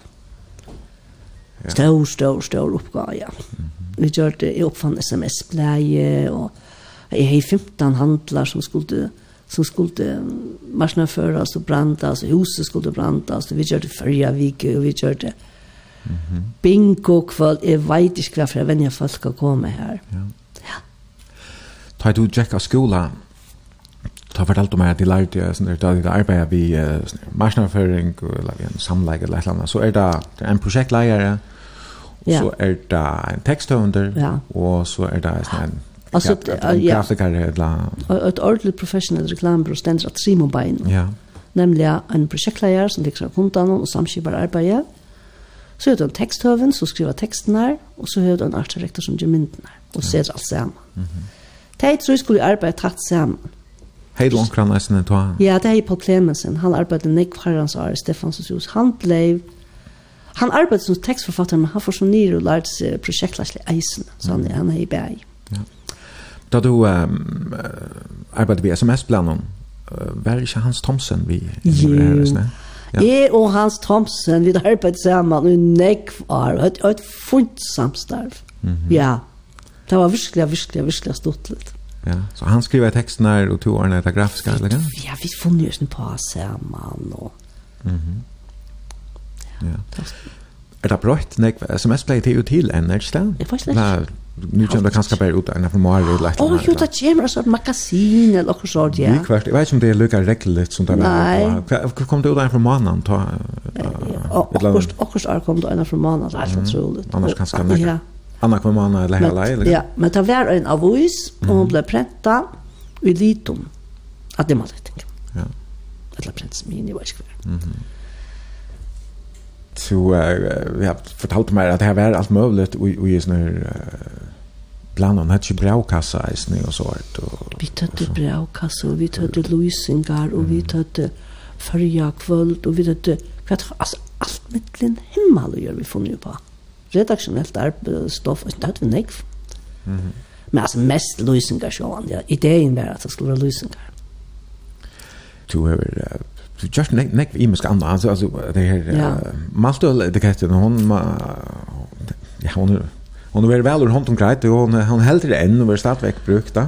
Ja. Är det andra bomärker alltså ja ja, like minner ja, ja. du sørst, så ja, ja, så alla tiden. Alla de som ligger norrna ofta på ett utanför här så här här sørst var en teknik. her så ikke min smil som jeg har malet Ja. Du Norrøna, Smyrlein, det kom også til i forsen va? Mhm. Ole Ole Hammer kom og spurte om jeg tog til å male en en smil så sier jeg, ja, jag tog du vel, så alla jeg en smil han kom opp av skorstøyden, Ja. Kämpestor smil. Og vi tog fyllt jo nekvar oppgaver, kan stå attla man Jeg gjør det minst ene, for jeg gjør det uh, faldere til Smyrlein, han års faldere, jeg gjør utrettan utgaven til hvordan jeg maler du vet. Utrettan imisk mal. Tank der til at føringer har samanbund i alt Nord-Atlands hav. Ja. Det ikke fantastisk? Jo, det var da Norrna selv til Hetland. Det gjør vi den, det gjør vi den. Ja. Gjør vi den, og ikke annet skip konkurrerer vi også. Og ikke som, som binder lykka fra Østlandet og så til europeiska Myrlandet så nek folk er vi det heller ikke, men det er alltid det er reallig flott at vi klarer oss hårdt. Ja, kjørst, ja. Men hvordan var det å komme som konfolk, vi er nødt til å vinne og sånt, og, og føre seg fram her før hun skulle fortelle et eller hvordan man, hvordan man fær mer bort og reklamerer og så sånt. Opplevde du noen motstøve? Det er ikke kanskje vinn, eller utbyggingen var nødt Så eisen kanskje du drog kom først? Han var nødt, og, og, og mennene var kommet fyrt siden. Jeg var, jeg var tutsi år fra han fyrt dem. så at uh, Taitar endelig kom fyrt, så kan stå atle, fikk jeg av vite. Men åren fikk jeg faktisk fyrt, og ikke konkurrere i Vimby. Nei, altså det var den første føreska ja, reklame, reklame ja, ja, fyrt høkan. Vi så at du ønsket med det tutsi år, men så ville hans morsen ha at jeg skulle bare arbeide for SMS, ikke arbeide for noen annen og han innrettet meg sånn at teknisk stod på sms, men jeg tømte ikke bare arbeid for sms. Det. Altså, sms er sekundære vinner, og jeg vil arbeide for primærvinner, jeg vil arbeide for flækaviskyr, jeg vil arbeide for det. Så de som mjölka hvis jeg var ikke kommet, til at det helt er spennende, at vi produserer ting kan. Mm -hmm. Så han uh, tømte ikke med meg og for så ikke, og, og fikk en danskar her opp, og begynte seg sitt egna reklambyrå, som kom av et av Team 45. Ok. Ja. Yeah. Så det var um, faktisk så... Ja, det er så... Utanfor Tim 45, ja. Tar kom i 45, jeg kom i 76. Så... Så tog hej nu nu gå är utan kapping. Hej nu får fin är utan kapping. Det var ska det vara faktiskt lagt så för kapping. Bara i minst på det. Vi var så rannig å gjøre. Ja, du måste så måste det lucka som arbeta på näsan där. Ja, det var bättre och sen du så kunde sette prisen opp. Ja, ja. Jag tror det för himmel ändå kapping. Nei, det var det slett inte för omvendt. Ja. Men, uh, men mjölka vi ikke kom, og, og, og, jeg det, til det var en kapping, og i vannene. Mm. Og så hver gang du er lærer føringar ikke å trekke long life mjölk. Og du dennaste verden, altså. Og alle, og det er ødelig sier jokers, og alt det til førskål. Ja. Det arbeidet vi tatt sammen i Jan Henrik Winter Poulsen. Mm. Det var virkelig, virkelig, virkelig stort til det, altså men han i kappen ja ja MBM var det bilmest ja. så så det är det visst ne det er det Og och det her, jeg vet inte jag vet inte om det er en långt men men vi finner jo en isländare som är att Erik Torvaldsson som kom til Färja at standa fyrisen här Ja. Og han kom i arbeid, sa vi, nek, öljan nek, vill gå vinner. Ja. Annars hade du uh, ja, størst tjena, alle tar størst, det er helt store kundene, det koster det første åren, ja. Ja, ja, ja, vi er øyla, ui. Før jeg arbeider minst du særlig vel, det er helt du stender etter, som du har særlig glad for, ja. Og det er det, altså, jeg er glad for alt, alt, ja. Jeg vil til alt være noe spennende, jeg gjør. Jeg tror, jeg får ikke sagt akkurat. Det synes jeg gjør det, det er at være vidt til sammen i andres morsen, og lette seg om landsen sammen. Ja, ja. Det var en avhåverd oppgave. Mhm. Ja. Det var Ørvus, ja. Ja, det var Ørvus, ja. Mm. Jeg har vært vidt til at just en faldere til Løktinge, som er tusen år av træet. Mm. Og vi, altså, vi var, altså, vi var rundt alt for land, altså, alle fyrtøk og alt det. Ja. Ocean Seafood, at ikke Ocean Seafood, da vi lagt til å se flakker vi ikke sammen, vi får i heisen og alt. Ja, men ikke Ocean Lafair och seafood eller ja. Ja. Pool hade varit det var en lavina. Ja. Fiskasølan, bankan sjånebanken, tan der en sjånebanken for heisen, ta tar kommer hjem nere fram. Ta hadde vi akkurat gjort en avvis, en føringerdeksavvis for sjånebanken som er et trusjår. Jeg glemte ikke den morgenen vakna, og jeg hørte i utvarsmålet av farger for en heisen, nesten. Altså, jeg minns i rann igjen i Sjönbackan det var tynda Jeg tror ikke på det. Nej. Av var la i kvarjen postkassa att han morgon. Det var av själva Føringer den til Sjönbackan. Föringar den och Sjönbackan, det blev gjort. Ja, det må ha vært en, en løy, løyen oppleving. Det var merskverdigt. Det var merskverdigt. Det var merskverdigt. Det var merskverdigt som du har gjort som som en very nytt Og, ja, vi så han så sent som i Gjørskveld när jag kom som tentar sjönverket. Ja. Jackerin. Ja, han har vi gjort. Ja. Han har vi gjort det. Ja. Ja. Kvar hver, hver har vi gjort där upplastet till Jackin. Andrand. Det passar. Ok, men det er är lustigt, ikke akkurat. Nej, nej, men jag brukte Andrand som som jeg det en rollemynte som, som ødel elsker. Og ødel elsker hans rand. Mm. Så kan man bruke han.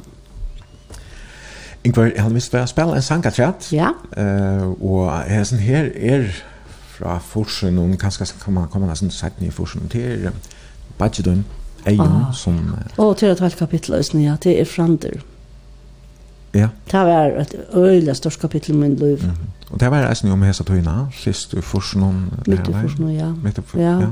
ja. Hvordan opplevde du uh, ja, tøyna da i flante ble til? Så, uh, ja, så tar jeg sånn jeg på hjertet, tar høyt, det var så skapende, det var bare tøyna og tekster, altså det var rappla ur dem. Og tar kom til havna, og tar slå ver angst, så jeg har bygd hus. Så tar jeg helt til i tjattlaren,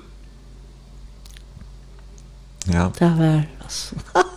det var magic alltså. Så spaltet där så alltså vantet där. Vant ju Chatland ja och så ni alla spelade studio då vet. Ja. Den första plattan i varje fall. Mm. Så du kanske vara en sån nej nej men sen kallar man det en, en testkanin eller så att det där har just också något och så så det spalta för tärs på kallt och något Ja ja, jag fyllde vi öllon ja ja ja. Den första plattan men så så var det ikke, jeg var ikke hvert om det finnes ikke høyder hva det var, men altså, den første platen tar gå ut av Undrum Brun, det var en kjallan som er. Ja. Um, du er faktisk en, du er som skulle velge en annan sang som, um, jeg har to fortalt meg at jeg, jeg vet ikke om jeg har skrivet teksten om til, eller bare til to inn, eller hva, men det var også det han her, ja. Han kom inn og følte jeg meg for jeg var kapitalist og stressa ja, og jeg startet mine fyrtøk og Jeg arbeidde alt, og han tog ikke høre på meg mer, og jeg var så slett til å snakke vi, han var så irriterende av meg. Og jeg ofte så må av noen for person. Så da jeg vakna neste morgen, da la altså, sangren til det stressa jeg kunnskap. Ja, ja. Så hekk teksten er. Ja, så hekk teksten er. Jeg synes ikke det kan skunta til kun inni det kan jeg vil. Ja. Inni, ja. Ja. Så det var ganska en en Jag visste gott han är rätt men jag kunde inte bruka det han En, en god lösning kan jag ganska. Ja, det var det. Tog in det ta mitt i försen. Det var det beskrivet. Men eh, ska vi köra han vid uh, flera vi har pratat. Jo. Så kan jag nästan lycka med nå några. Vi sänder alltså beinleis. Well. Tusen lustar er velkommen at uh, senda okra spurning. Kan vi mer singla helsan og 22.00 Illa Facebook, så inne kja bransj, stavast B-R-O-N-S-J. Her har vi altså framter, og til Astrid McDonald som er gestasankare. Kvitar flikrøy.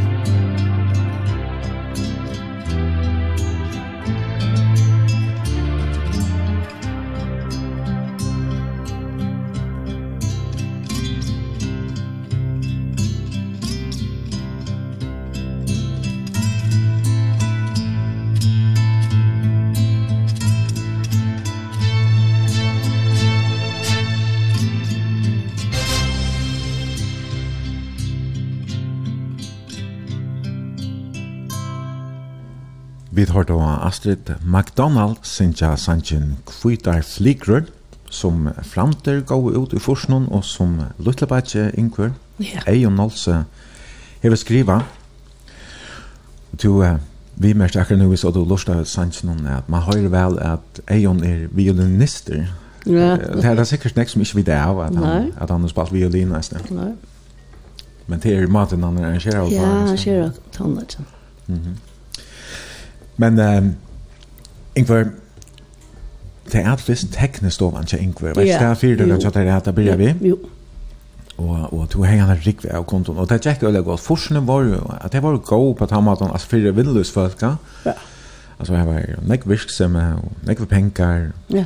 Så jeg kan ju med meg som ja, og som ensam med marschen här det sig för stort spännande och kunna du kunne ha valgt å räka ganske hva du. Ja. Haft två just.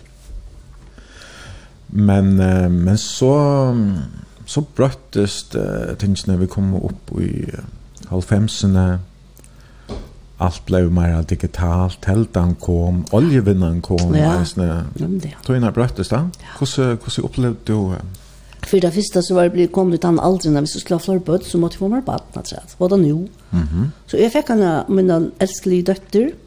Heia, hun fødte i 85. Heia, hun fødte i 85, og samstundet som jeg fikk henne, Så kjøpte jeg et hus her. Mm -hmm. Og det var en ruin. Ja.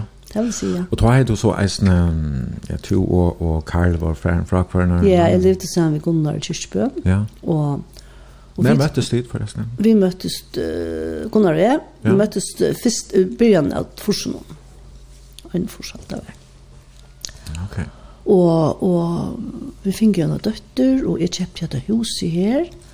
Og hvordan kom det her i lære at kjøpe det huset her? Ja, det kom faktisk i lære på den måten at jeg Lindskog kom an der inne i kontoret som er i eget kontor i Skala, tror jeg. Og sier meg, det har gått inn for jeg alltid du skal fære bjå på dette huset her i Stefansens hus. Nei, han kallet det ikke Stefans hus. Mm -hmm. Huset i 8 Tritjingen, og Tritjingen er brukt til, um, til uh, arkiv. I 13 samfodlager. Kjallan stod en stor han septetanskjøp.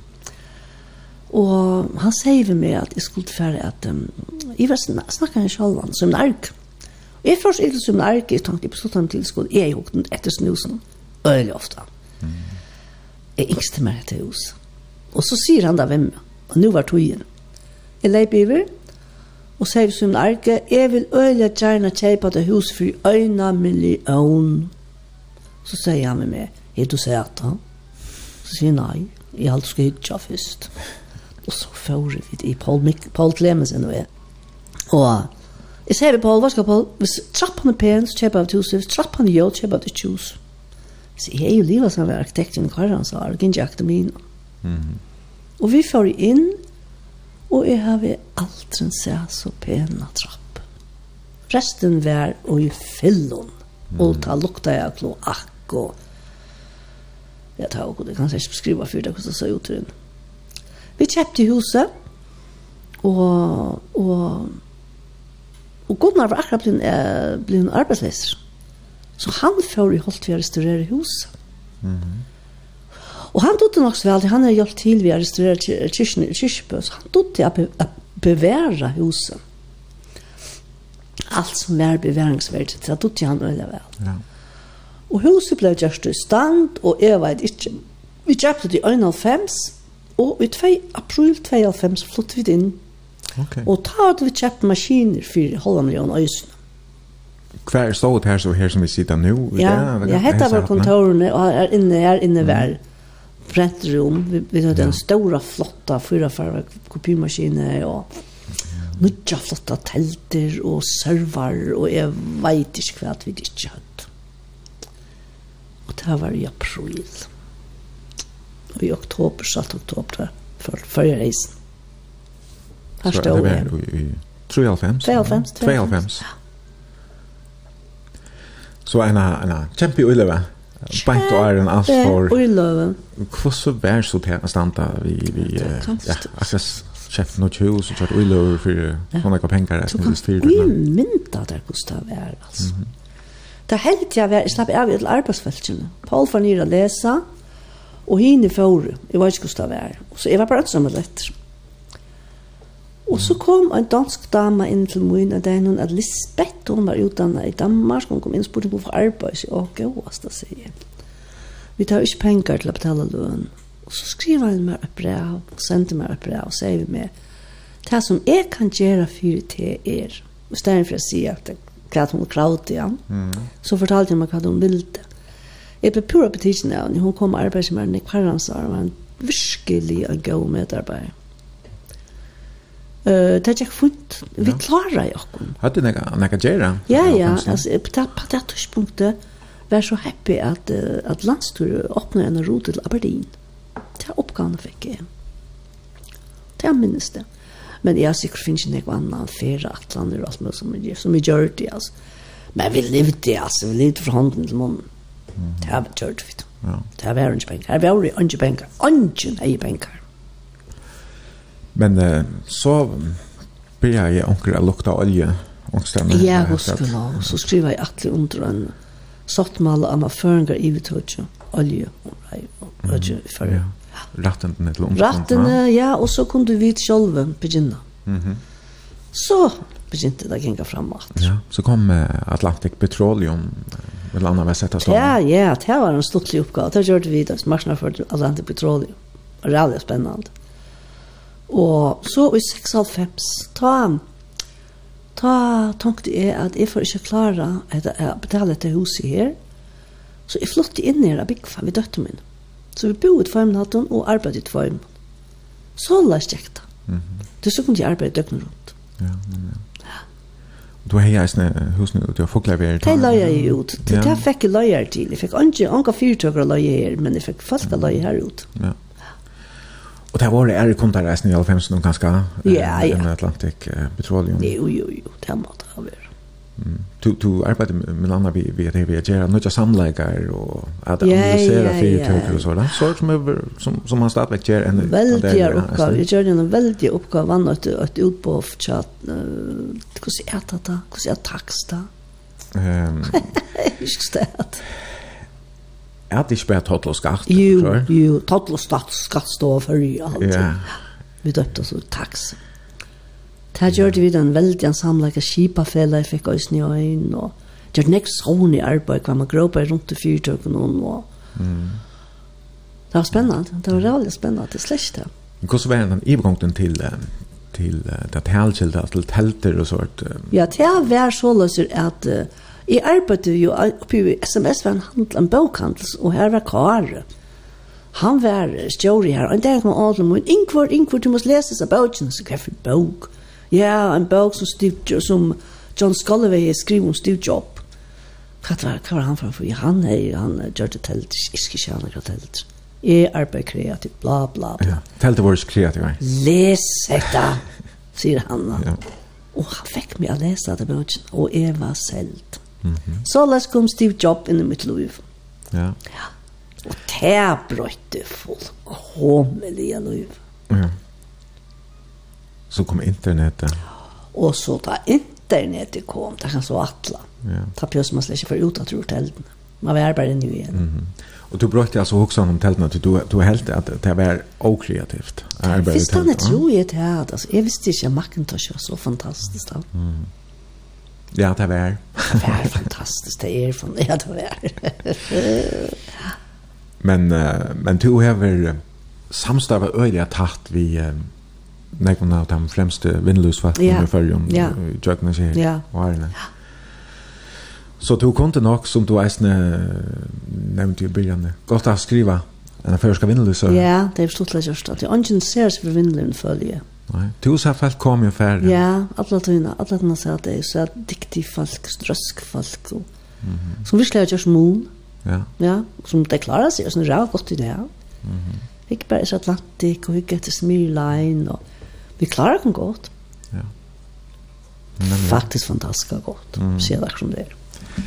Det just du ju as en show och du klarar klarar det så mycket gott att du som 6 halvt år gammal helt nu förstår pension. Ja. Det är nog så tullja alltså. Ja. Vet jag. Ja. Jag känner ju annars med just det som har sett såna fyra dagar så bara. Det gör det inte. Det är så det är det. Det är det. Det är det. Du sång den bara eller kan? Ja, så ja, så jag la henne ut, jag la allt det huset ut. Mm. Och på den måten så kunde jag färra. Jeg får til Malta bosetta meg. Bosetta meg i Malta enn at vi. Hei, du ikke starsfolk da? Nei, nei, jeg er ikke starsfolk. Men det var annars på det meste, hvor står det her for det? Fem-seks folk halde okay. år. Ja. Så hette vi vært for en 15 år så igjen her alai. Ja, ja. 15 år, ja. At du gavst? Ja. Ja. Og så förstå Amalta. Ja. Sidan. Ja. Här bosatte jeg med og jag av et som heter Summer University. Det var Oxford University som, under, som bjør i ensk undervisning. Mm. Var det bare bara för att alltså for för utlänningar den egna tørv, eller vad det du skulle bruke det eller noe av? Nei, nei, jeg, jeg skulle bare min egna jeg skulle friske ta enska upp. Mhm. Mm och är är det här um, Jeg var her i tredje måneder, det var utmerska, men jeg tømte ikke å være her. Malta sier meg ikke som så nek. Men så får jeg alltid til Danmark her, og får ut til indiske ambassaden og fikk et visum, så får jeg til Indien, til Goa. Mm -hmm. Her bor jeg eventur min gode viner i Heiveria, og vi kjenner vi heia øyne for jeg og heia. Da har jeg fyllt i Ajanar. Jeg til Gonjene. Ja. Jeg får så til Saliga og bosetter meg av en Ayurvedic-klinikk. Jeg lyser om Ayurvedic. Det er en måte at uh, helsemat, altså laknar og alt blir ont blir undervist ut till et universitet i Indien som er et ayurvedic universitet. Den eldste former for hälsobod. Mm Og de tar utgangspunkt i, i tunna blåtyp. Og de arbeider holistisk. Det vill säga, hvis du inte i armen så er det ikke bare på armen, det er ikke bare ryggen och bödgen och höttu. Helten. Helten, ja. ja. Här var jeg en tog Så får jeg inn i, til noen som er tilbake, og la jeg et lite portugisisk hus og bo i her. Og så fikk jeg en skodere, en køyre, og så kørte jeg til Aramboll kvendt som tog en tøyma. At inn til noen som er Himalaya Yoga Center, så gjør de yoga. Mm -hmm. ja, og da var det ikke kjent for en annen gjør det yoga før jeg da. Nei. Nei, slett ikke. Vet han något som du tror annars är helt vil lycka så jag antar? Nej, alltså är inte ja, alltså är inte några filmer jag kan säga det slett inte men men är är är väl öliga väl för på det tidspunkt i dag. Ja. Ja. Så hade vi en alternativ uh, fullkomlig. Vi väntar totalt ja. ut. Uh, allt allt alternativt. Allt allt är annorlunda, ja. Ja. Hva för för til at du du liksom søkte det her og Du kom kanskje lukka som i samband med, med en ære suja av, av tilværende som du ikke kjente så yeah, Ja, jeg halte det, ja. Altså, jeg, jeg var så evig trøtt av, av, av tusen majority, ja. Mm. Jeg var så trøtt av å ha en fyrtøk og kjempa for at hun skulle bæra seg. Og i fargen var altså, økonomien så åstabiler. Det var så åstabilt arbeid i fargen da. Så heller vi luttla fyrtøk, vi tatt jo ingen chans, altså. Mm -hmm. Så kom alls, her slapp vi heller ikke på, i altså. Det var så, så, så, så vi var som B-mennesker alltid. Vet ikke hvor, jeg falt, jeg tømte ikke mer, tømte simpelthen ikke mer. Nei, nå gjøres det. Tog at det var ustabilt. Så du først til Indien var det for jeg lærer å leve det enkle livet? Ja, jeg ville leve det enkla livet, leve et annerledes liv, og, og ettersom jeg har astma, og jeg var i lunker, så, så var det godt for meg å komme hitan. Mm. Veldig godt for meg å komme hitan, og så etter at det koster ikke å bygge hver. Det er så bøyligt. Mm -hmm. Du først nægger for pengene. Ja. ja. Men du levde du helt ikke av sånn egen øren enn en kokosnøt om kokosnøtt og kokosmjølk, eller hva? Ja. Det, det, det koster ikke å bygge hver. Nei. Hva tenker man? Man kjøpte så av marsnein noen her, eller hva? Hva er det? Nei, vi tar det så. Her som jeg gjør til yoga, jeg kjørte fyra timmar om dagen, Himalaya Yoga Center, så kom, vi kallar det The Coconuts Man, så kom han med en stor påse, og så kvett han toppen, der, og så drukker vi kokosmjølk. Mm. Ja Og det var det vi døde til han der. Men du fortalte meg at du fikk nekva gode vinner eh herre ja ja ja ja Dr. Rohit han var ju han var ju lackne och jag vet inte. Ja. Och du väljer att så jag Ja ja, vi nästan kvarstår. Mhm. Mm ja. Men um, men du första äsne och ärar skolor. Ja. Så han tog först ju till Barcelona. Ja, jag för till Barcelona till att Ranva og och han ranva Holm och Katsen Gangen hade varit här för att man om det. Och så tog jag simpelthen och sökte och slapp in. Och jag var här två år. Och lärde mig teori Alltså bara det att öppna ögonen för listen som är alltid jag vill ser ju allt jag vill arbeta vid. Lista sövan var spännande att lära och att vara i en, en lista fast kan miljö som vi var ja. Här vi var nog inte tjuna tjoner. Mm -hmm. Ja. Det var en dröm att släppa uppleva. Mm. Ja. Här är ju, det går forskare och arkitektur i Barcelona. Ja. Så han är ju arkitekten uh, Gaudi. Gaudi, ja. ja. Netto. Och Barcelona är är alltså en kreativ by eller något. Ja, jävligt kreativ. Mm -hmm. Men hur så bodde du så? Alltså jag valde att jag bor i Airbnb. Vet jeg oppfunnet långt då? Ja, jag är i Barcelona vart. Ok. Och jag visste inte vad det var, men Barcelona vart. Mm. Men jag valde att mer när vi är i Barcelona att att att, att, att skifta bostaden i graferer. Mm -hmm Jeg bor i hvert fall til den tror jeg fyra stå. Så jeg sier at jeg lærte um, bojen bedre kjenne at det er germana. Ja. Altså jeg blir på sans og termer som roig fornem folk. Mm. Som jeg sier, det sier ola, sier det her oppe, ja. ja. Men hvis først om man er gamla bojen, om man blir ramplein her, det er mora fatak, og. Og gommel, og kulturen, er, synes annars, her sier jeg at det, ola, bona dia, sier jeg, det er synes annerledes, hver du bor til bojen. Det er annet mer godt. Du, du, tar de det bästa det gamla på Japan. Ja, bestemt. Mm. Det blir bara inte synd om marsknaden. Ja. ja. Och detta var så for, for jeg liksom, som förgångt och i tvinna ja det som er veldig inte mer till arbetarlista ja det er det du börjat faktisk, vi är att teckna och så där det var det i skolan ja och just vil du just Nek vite så igjen? Mai. No. Jag visste just när vi men alltså plan är att göra det att vi att Så här har vi haft ett hus att passa och pleja och jag har haft Airbnb här och la ut och och just uppboer och och och det var det var så tjattar bär i väl så kvart i själv just. Så tog ju nog inte vi tog. Men nu Ostis mal. Du har ju otroligt goda rumstöver som vi börjar vara sen när vi har pratat om där vi var nere i Chatland och Iron vi förra senta. Ja. Og hukte att ateljeren och sådär här och otroliga goda arbetsomstår. Ja, eller som står, och allt hus är perfekt, det är typ topp och just allt Og at det är väldigt perfekt som kallar roi eisen. Ja, ja, det kan det gott vara. Det har haft framsynningar och Ola söker hur är det er men lenke Vi Det är jag lukar Ja, men da blir det da blir det halta till mer åp i huset där så blir vi någon familj Ja, så. Det blir gärna halt. Det jo en god belitsen här där snö alla söker kappror och allt det där. Ja, festligt, ja, du rävliga festligt. Ja. Nå, Ingvar Tøyen, Tjåkon, hon... Eh, Får. ja, hon er nesten eh, vi är affären, men... Ja. Her kom der flere helsaner, no. og, og jeg halte reist noen spurninger her i midtelen, og, og annet godt, og sms-kjøpene 2400, og jeg har Facebook-søgene, brunch, stavas B-R-O-N-S-J, og det blir til at um, skriva inn, Vi får spela några toner att för att Arn vi vända efter och ta färdigt att uh, läsa flera sådana här hälsan hon. Men Arn så skulle vi höra Kim Larsen. Oh, ja. Och uh, jag har en sån känsla att du vill väldigt god vid Kim Larsen. Ja, det var jag. vet inte hur. Ja, ja, eller, jag vet inte vad samband... Han kom till allt i Bohutjumland, det var fantastiskt. Han var dejlig.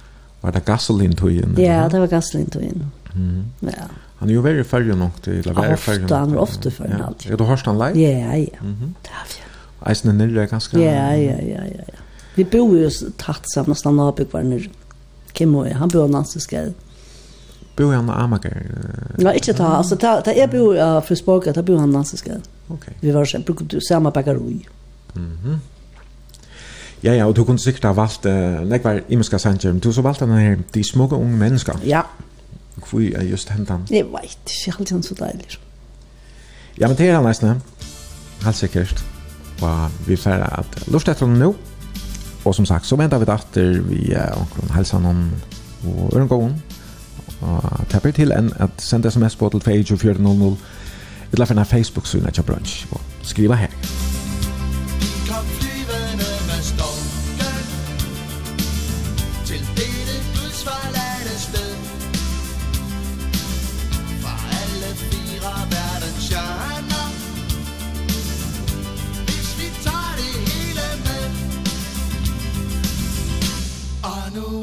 blevet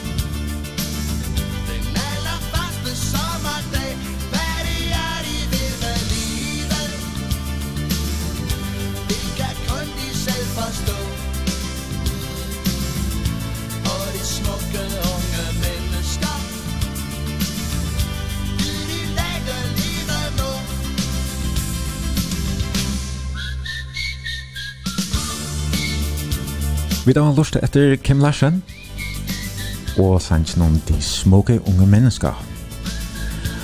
Og det er dagsens Just Brunch, Ingvar Nolse, som veler tonelagen. Og vi da var sendt nå i tvert timer her ur Stefanssons hus i Havn, nere av Kongabrunne. Ja. Og jeg har jeg vekk, det blir løsende friere, men jeg vil da si det her.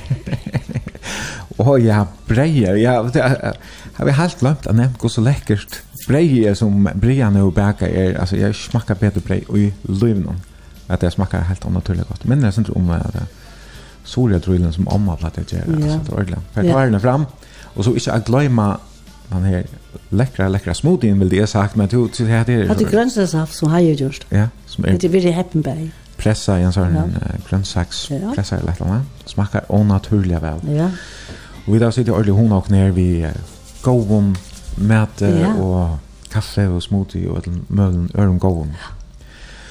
Men vi er altså kommet til endan, og vi går Arne for å lese jeg sier, sms-bøyene og til som skriver Facebook, så, så var det tatt waiver i Barcelona, Listaskole, eller var det bare åren, at du prøver å flytte til Kjeppmannhavnere, og være et halvt år, men, men du ville hjemme til Færre.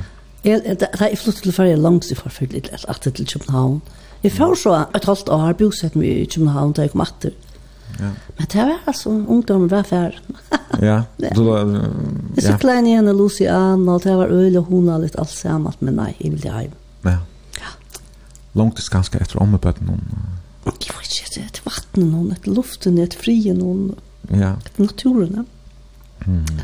Men at et, vi det är sin som laxer eller så visst Ja. Vi vi skulle bara hem att. Ja. Men du färdas nej och tar damer väl färdas. Ja ja. Den kan du alltid för Josh den här. Nei, så jag ni helt på arbeta. Men ni arbetar färdas ju inte så inte ikke sånn, nej men nu nu kjenner jeg också grenser, för alle möjligaste spennende stö. Ja. Ja, her är det alltså kommer en nekvar nekvar nekvar. Hej Sander. Och vi blir bara för en dag. Vi tar snack vid Klara kommer tjøkkene. Hei Ingvar, skriver en lortere. Jeg er samtur skolen var et minefelt jeg kom i tjøkkenen. Militær størst fra toppen om. Godt å høre at det blir helsene, skriver en lortere sms-kjipene.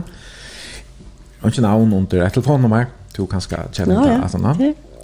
Så er det en lortere som uh, skriver. Spyr Ingvar om oljena og Amirada Hess og ja. Richard Hartmann. Ja, Richard Hartmann, ja, jeg minnes godt. Hva var det? Ja. Det var et, en, en amerikansk fyrtøk som er Amarade Hiss, et oljefella. Ja, jeg men er det ikke en boreplattform? Nei, det var, nei, det var, fyr, det var et oljefella som borer i fyrjun. Ja. Men, og stjåren er at Richard Hartman. Var det var den här fyrtökan som fann spår av olja eller ett land bergskylastrar? Ja, rastrar? ja, man, det, ja, han var visst några radiktiv med. Men vi gör det rasstävners. Ja, ja. För oljefällorna. Mm. Ja, ett tvärt tror jag aldrig vi gör det. Har rast ofta att komma arbeta samma tid. Så det blir faktiskt eisen för kunder med den utländska och ja, ja, vi arbetar näck för alla fall. Mhm. Ja.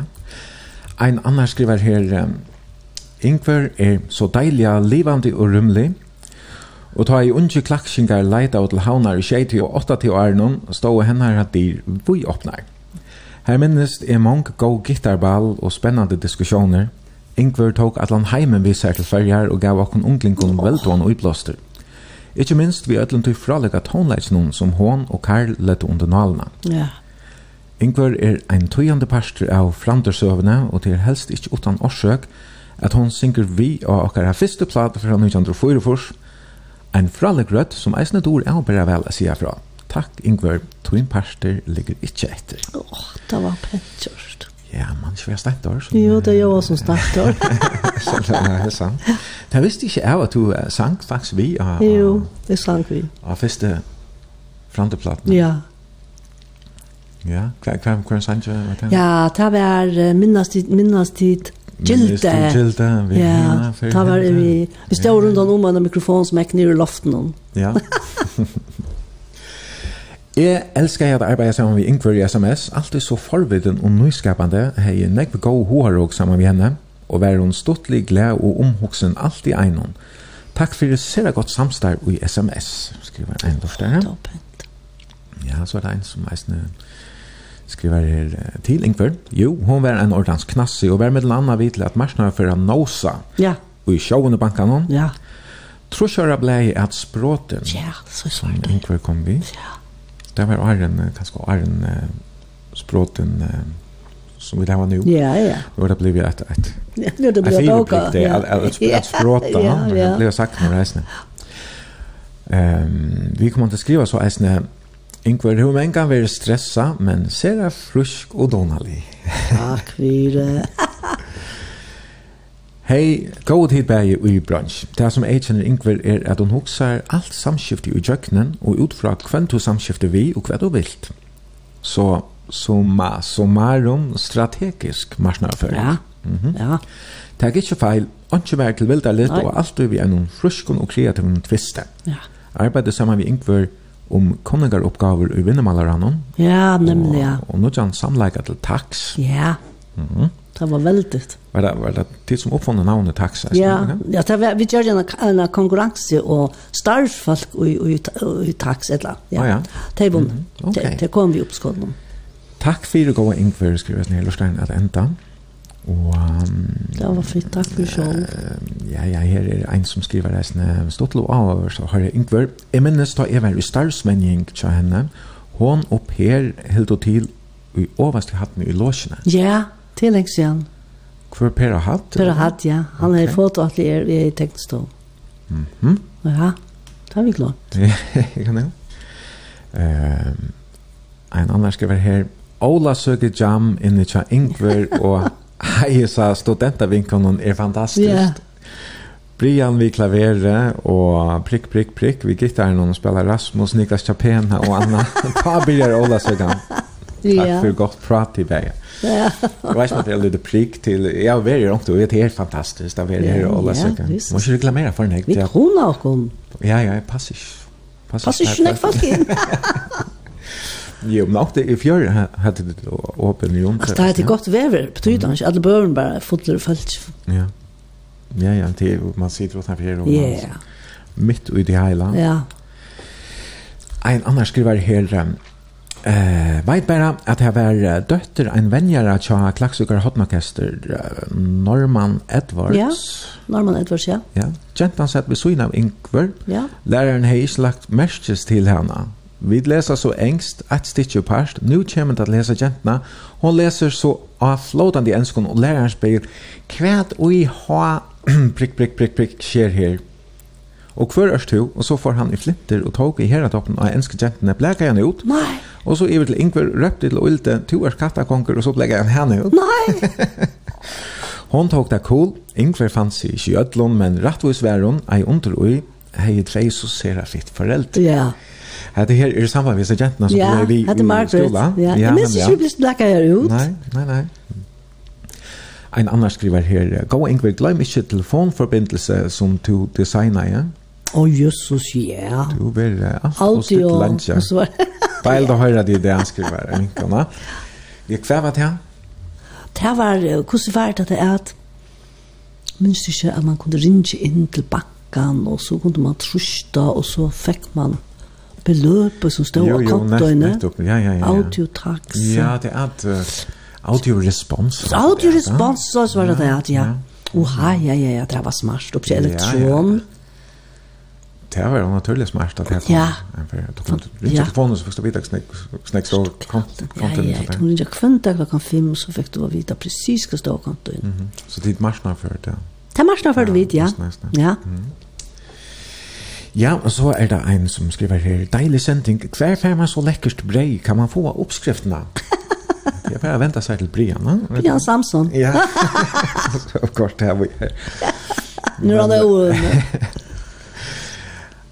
En uh, hälsan här att ända från systerdunne, no, Katrin. Ja. Du er, du er en kjempare, sier eldsta systerdunne. eldsta systerdunne, ja.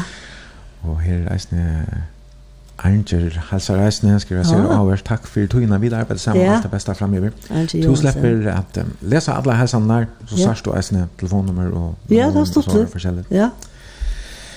Men uh, vi er kommet til endan, Og du har jo så valgt en sang at kjatt. Ja. Det er kanskje en som... Um, er du kan liksom komme ved en, en båtskap om den ja. du tek sammen om livet sånn. Ja, jeg har alltid man skal tåle livet. Ja. Men når er greit. Det tar ikke enkla da, til færre. Ja. Så, det er det han handler om. Det er viktig at tåle livet, livet. Det er så kjøtt i stedet takk fyrir hans visdomsårene, Yngve. Sjølver takk. At jeg kan komme om man viser det her morgen til å være fantastisk og hun alltid sitter her, Stefansons huset. Og takk til Hei og Brian for jeg har gjort så lekkere ja. morgmat og smoothie. Fitt var det. Brei og alt mulig morgen. Ja. Hetta var altså til vi høtt at bare jeg vi ja. hesa fyr. Vi kan nesten lykke takka for alle. Vi merker og helsan der som vi kom der fra Lorstæren. Og hetta var Samsons er seinasta senaste bransjsendingen av Hesons sinne. Ok. Nå er sommerfri, ja. flytøyen stender for framman, og Og det var så ikke noe bransjsending etter firebils, møvelig, for jeg vet at det etter en av et der, at det var. Det kan så vel hoksast. Ja. Eh, men uh, sending utan gester, og tog jeg, uh, det var jo øyelig godt, eisen om uh, Ta lustarna som da han väl lustade brunch kunde ganska komma i omkring boven. Sent man noen huskott til... ja gestur branch vet du hevur onkur einhver du kan kanska jamma cruise at aftan sendingina. Ja og annars du som lustar er velkommen at uh, fer inn á Facebook sína hjá branch uh, stavas B R O N S J og senda ein bo her. Si meg kvann tok og du hugsa der at hast som gest i branch du kan eisen senda ein teltepost til eifen.kvf.fo stavas a d f i n n kvf.fo Ingvar, en annan affær, tusen, tusen takk for det, og Og for ikke det er godt sommer, vi sitter ganske alle søker.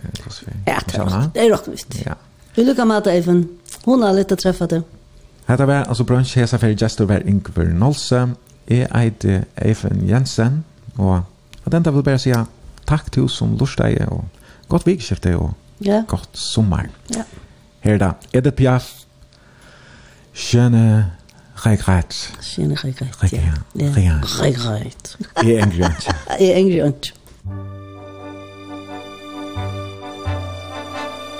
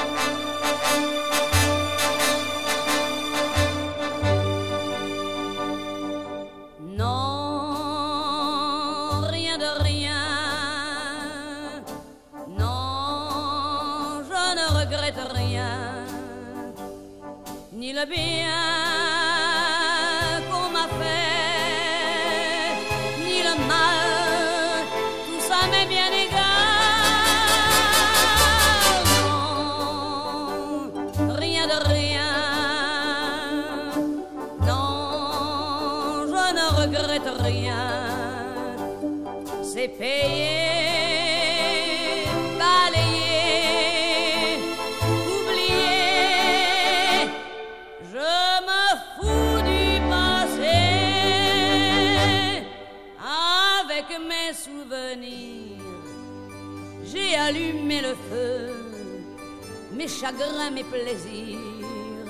Je n'ai plus besoin de balayer les amours avec leur trémolo, balayer pour toujours. Je repars à zéro.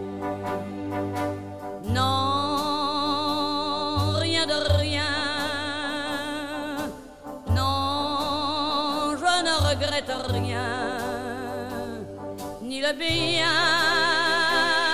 qu'on m'a fait ni le mal